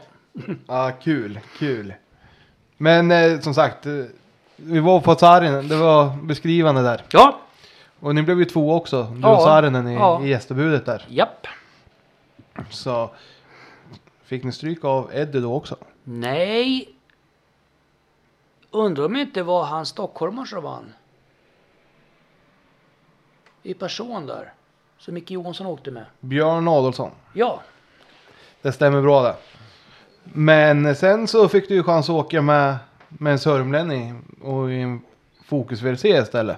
Ja, eh, jag träffade Ingmar eh, Svensson då där. Det var ju på den tiden jag åkte med Sarerna, för han åkte ju där och frågade om jag ville åka med honom eh, på hösten där då. Och sen även fortsätta åka 2012 då. Eh, men eh, egentligen så skulle jag ju åka med Thomas. Det var ju liksom, det var ju det som här. Men jag pratade med Thomas och han visste ju då heller inte hur det vart med ny bil och så vidare. Så, där, så att så då pratade jag ihop oss och då sa jag det, men då hoppar jag på det där med Ingmar. Och eh, så så vart det. Så då åkte vi. Första tävlingen var väl i Hässleholm tror jag. I den där 05 Fiestan. Nej, nu Nej, ska jag rätta dig. Kullings åkte ni ihop. förlåt, Fokus. Fokus Fo- 04. 04 Fokusen är det i alla fall. Just det, förlåt. Fiesta kommer sen. Jajamän. Jo, så är det. Och det vill jag nog hävda fortfarande än idag att det är den ballaste VRC-bil jag åkt i. Fränt. 04. Ja, ja, ja. Det, jävlar vad det kickar iväg. Ja, VRC är ju något helt annat måste Ja, men just den här 0405 så de är så extrema. När jag var på M-sport för några år sedan så berättade han eh, Milner där att just den modellen var den dyraste VRC-bil man byggt någonsin. Oj. För då var det allting med aktiva diffar fram och bak och aluminium och så det var så där. Och, och på de där har du den där torrkopplingen. Och jag glömmer ju aldrig starten första gången. Man trodde grejen skulle explodera. Men, men jävlar var det bara iväg. Nu pratar vi fränt på riktigt alltså. Det var... eh, det, det är ju så i starten så åker du fram och så har du kopplingen nedtryckt. Så lägger du ettan. Sen trycker du på startsystemet. Sen drar du i handbromsen. Mm. Sen kliver du av kopplingen. Mm. Då håller du alltid på handbromsen. Och så går ju bilen upp så här till en, ja, 7-8 tusen varv. Och det, det, det, det verkligen känns som att den håller på att explodera bilen. Sen släpper du på handbromsen. Och det säger fan poff. Och så bara... Alltså det skickar iväg något. Och det finns ingen hej på det. Det drar till varv och stoppar på högsta växeln hur lätt som helst. Jättekul. Satan vad fränt. Ja. Och det här med aktiva diffar liksom när det, där det, det är också aktivt mellan höger och vänster och fram och bak så att det det är go-kart. Ja. Så Att, eh, nej, och det gick ju jättebra. Vi låg, vi tog, jag tror det var snabbast på garnisonen på kvällen där. Och när ni kom till Hässleholm ja. Ja, eller var det Pontus var före kanske? Jag vet inte. Vi ska se. Vi ska se. Vad sa vi? Garnisonen på kvällen. Och Pontus var före. Ja, Han åkte en Super 2000 Fiesta då. just det. Gjorde han. Eh, Och där trodde de att det var fel på våran tid hela tiden. Att det var så. Han kom dit och visade att man... Ja, nej, men det var ju roligt. Så att, och sen gick det faktiskt bra på tävling. Jag vet inte, vi bröt ju sen där, men eh, han var med ganska bra faktiskt. Så att, eh, Ja men det är kul när man hittar så här. ja, men vilken bil vet du. Helvete. Ja, ja, det var roligt. Men det, det är ju en eh, väldigt komplicerad bil. Mm. Ja, det, det, det, de börjar bli lite till åren här och de började strula lite. Det blev mycket tekniska. Ja, mycket te- som kan strula och sen är det ju så när det börjar bli ett åren kanske och just underhållet på en sån här bil är ju jätteviktigt att verkligen byta precis allting när det ska. Och börja, har man inte gjort det, men bilen var ju gammal liksom. Det är ju det är klart att eh, det är svårt att få det och det hände mycket saker. Så att eh, det var ju där de pratade också då ganska tidigt där, att han ville ha en annan bil. Och då med Tommy då. Ja men exakt. Ja. För Tommy... Ingmar skötte väl alla silverfallarns Ja, det, fårdar va- där ett tag. ja, ja, det vart det. De gjorde i ordning de där när de skulle göras om och så. De hade liksom, han gjorde väl det åt Tommy. Sen hyrde han ju Tommys bil att åka i då. Så att, eh, men det hamnade på min lott och egentligen leta rätt på en annan bil för säsongen 12 då. Okej. Mm. Det måste ändå ha varit spännande uppgift att få leta reda på något. Ja, Det skulle, skulle väl inte vara en, en sämre bil kan jag tänka. nej, nej, nej, det skulle det inte vara. Då tittade de först på Super 2000 och sådär. och Men det, det, var, det är svårt att hitta en sån bra bil. Men eh, jag vet att jag pratade, eller jag pratade ganska mycket med Tony Gardner att jag hade en som var jäkligt fin. Men det är ju sugmotor, det är ju inte VRC liksom sådär. Så att eh, efter mycket om så fick jag kontakt med en säljare på M-sport. Och eh, fick ett pris då på en, eh, en bil som hade gått lite grann då, en Fiesta. Där ser man. Men du, jag tänker den här podden har ju sprungit iväg i tid. Mm. Så det här, eh, om det blir något köp, det får vi nog skicka med till nästa gång. Ja, det tycker jag. får det bli. Li- En liten cliffhanger. Ja, men exakt, man ska bryta det man har som roligast. Ja. Så, och tack vare att det blir en del två så Daniels frågor där får vi ta i del två tycker jag. Absolut, det avslutar vi med i nästa. Ja, då får ni höra fortsättningen om ett par veckor. Ja, Ha det till- bra. Håll till Ja, godo. tack ska ni ha. Hej hej.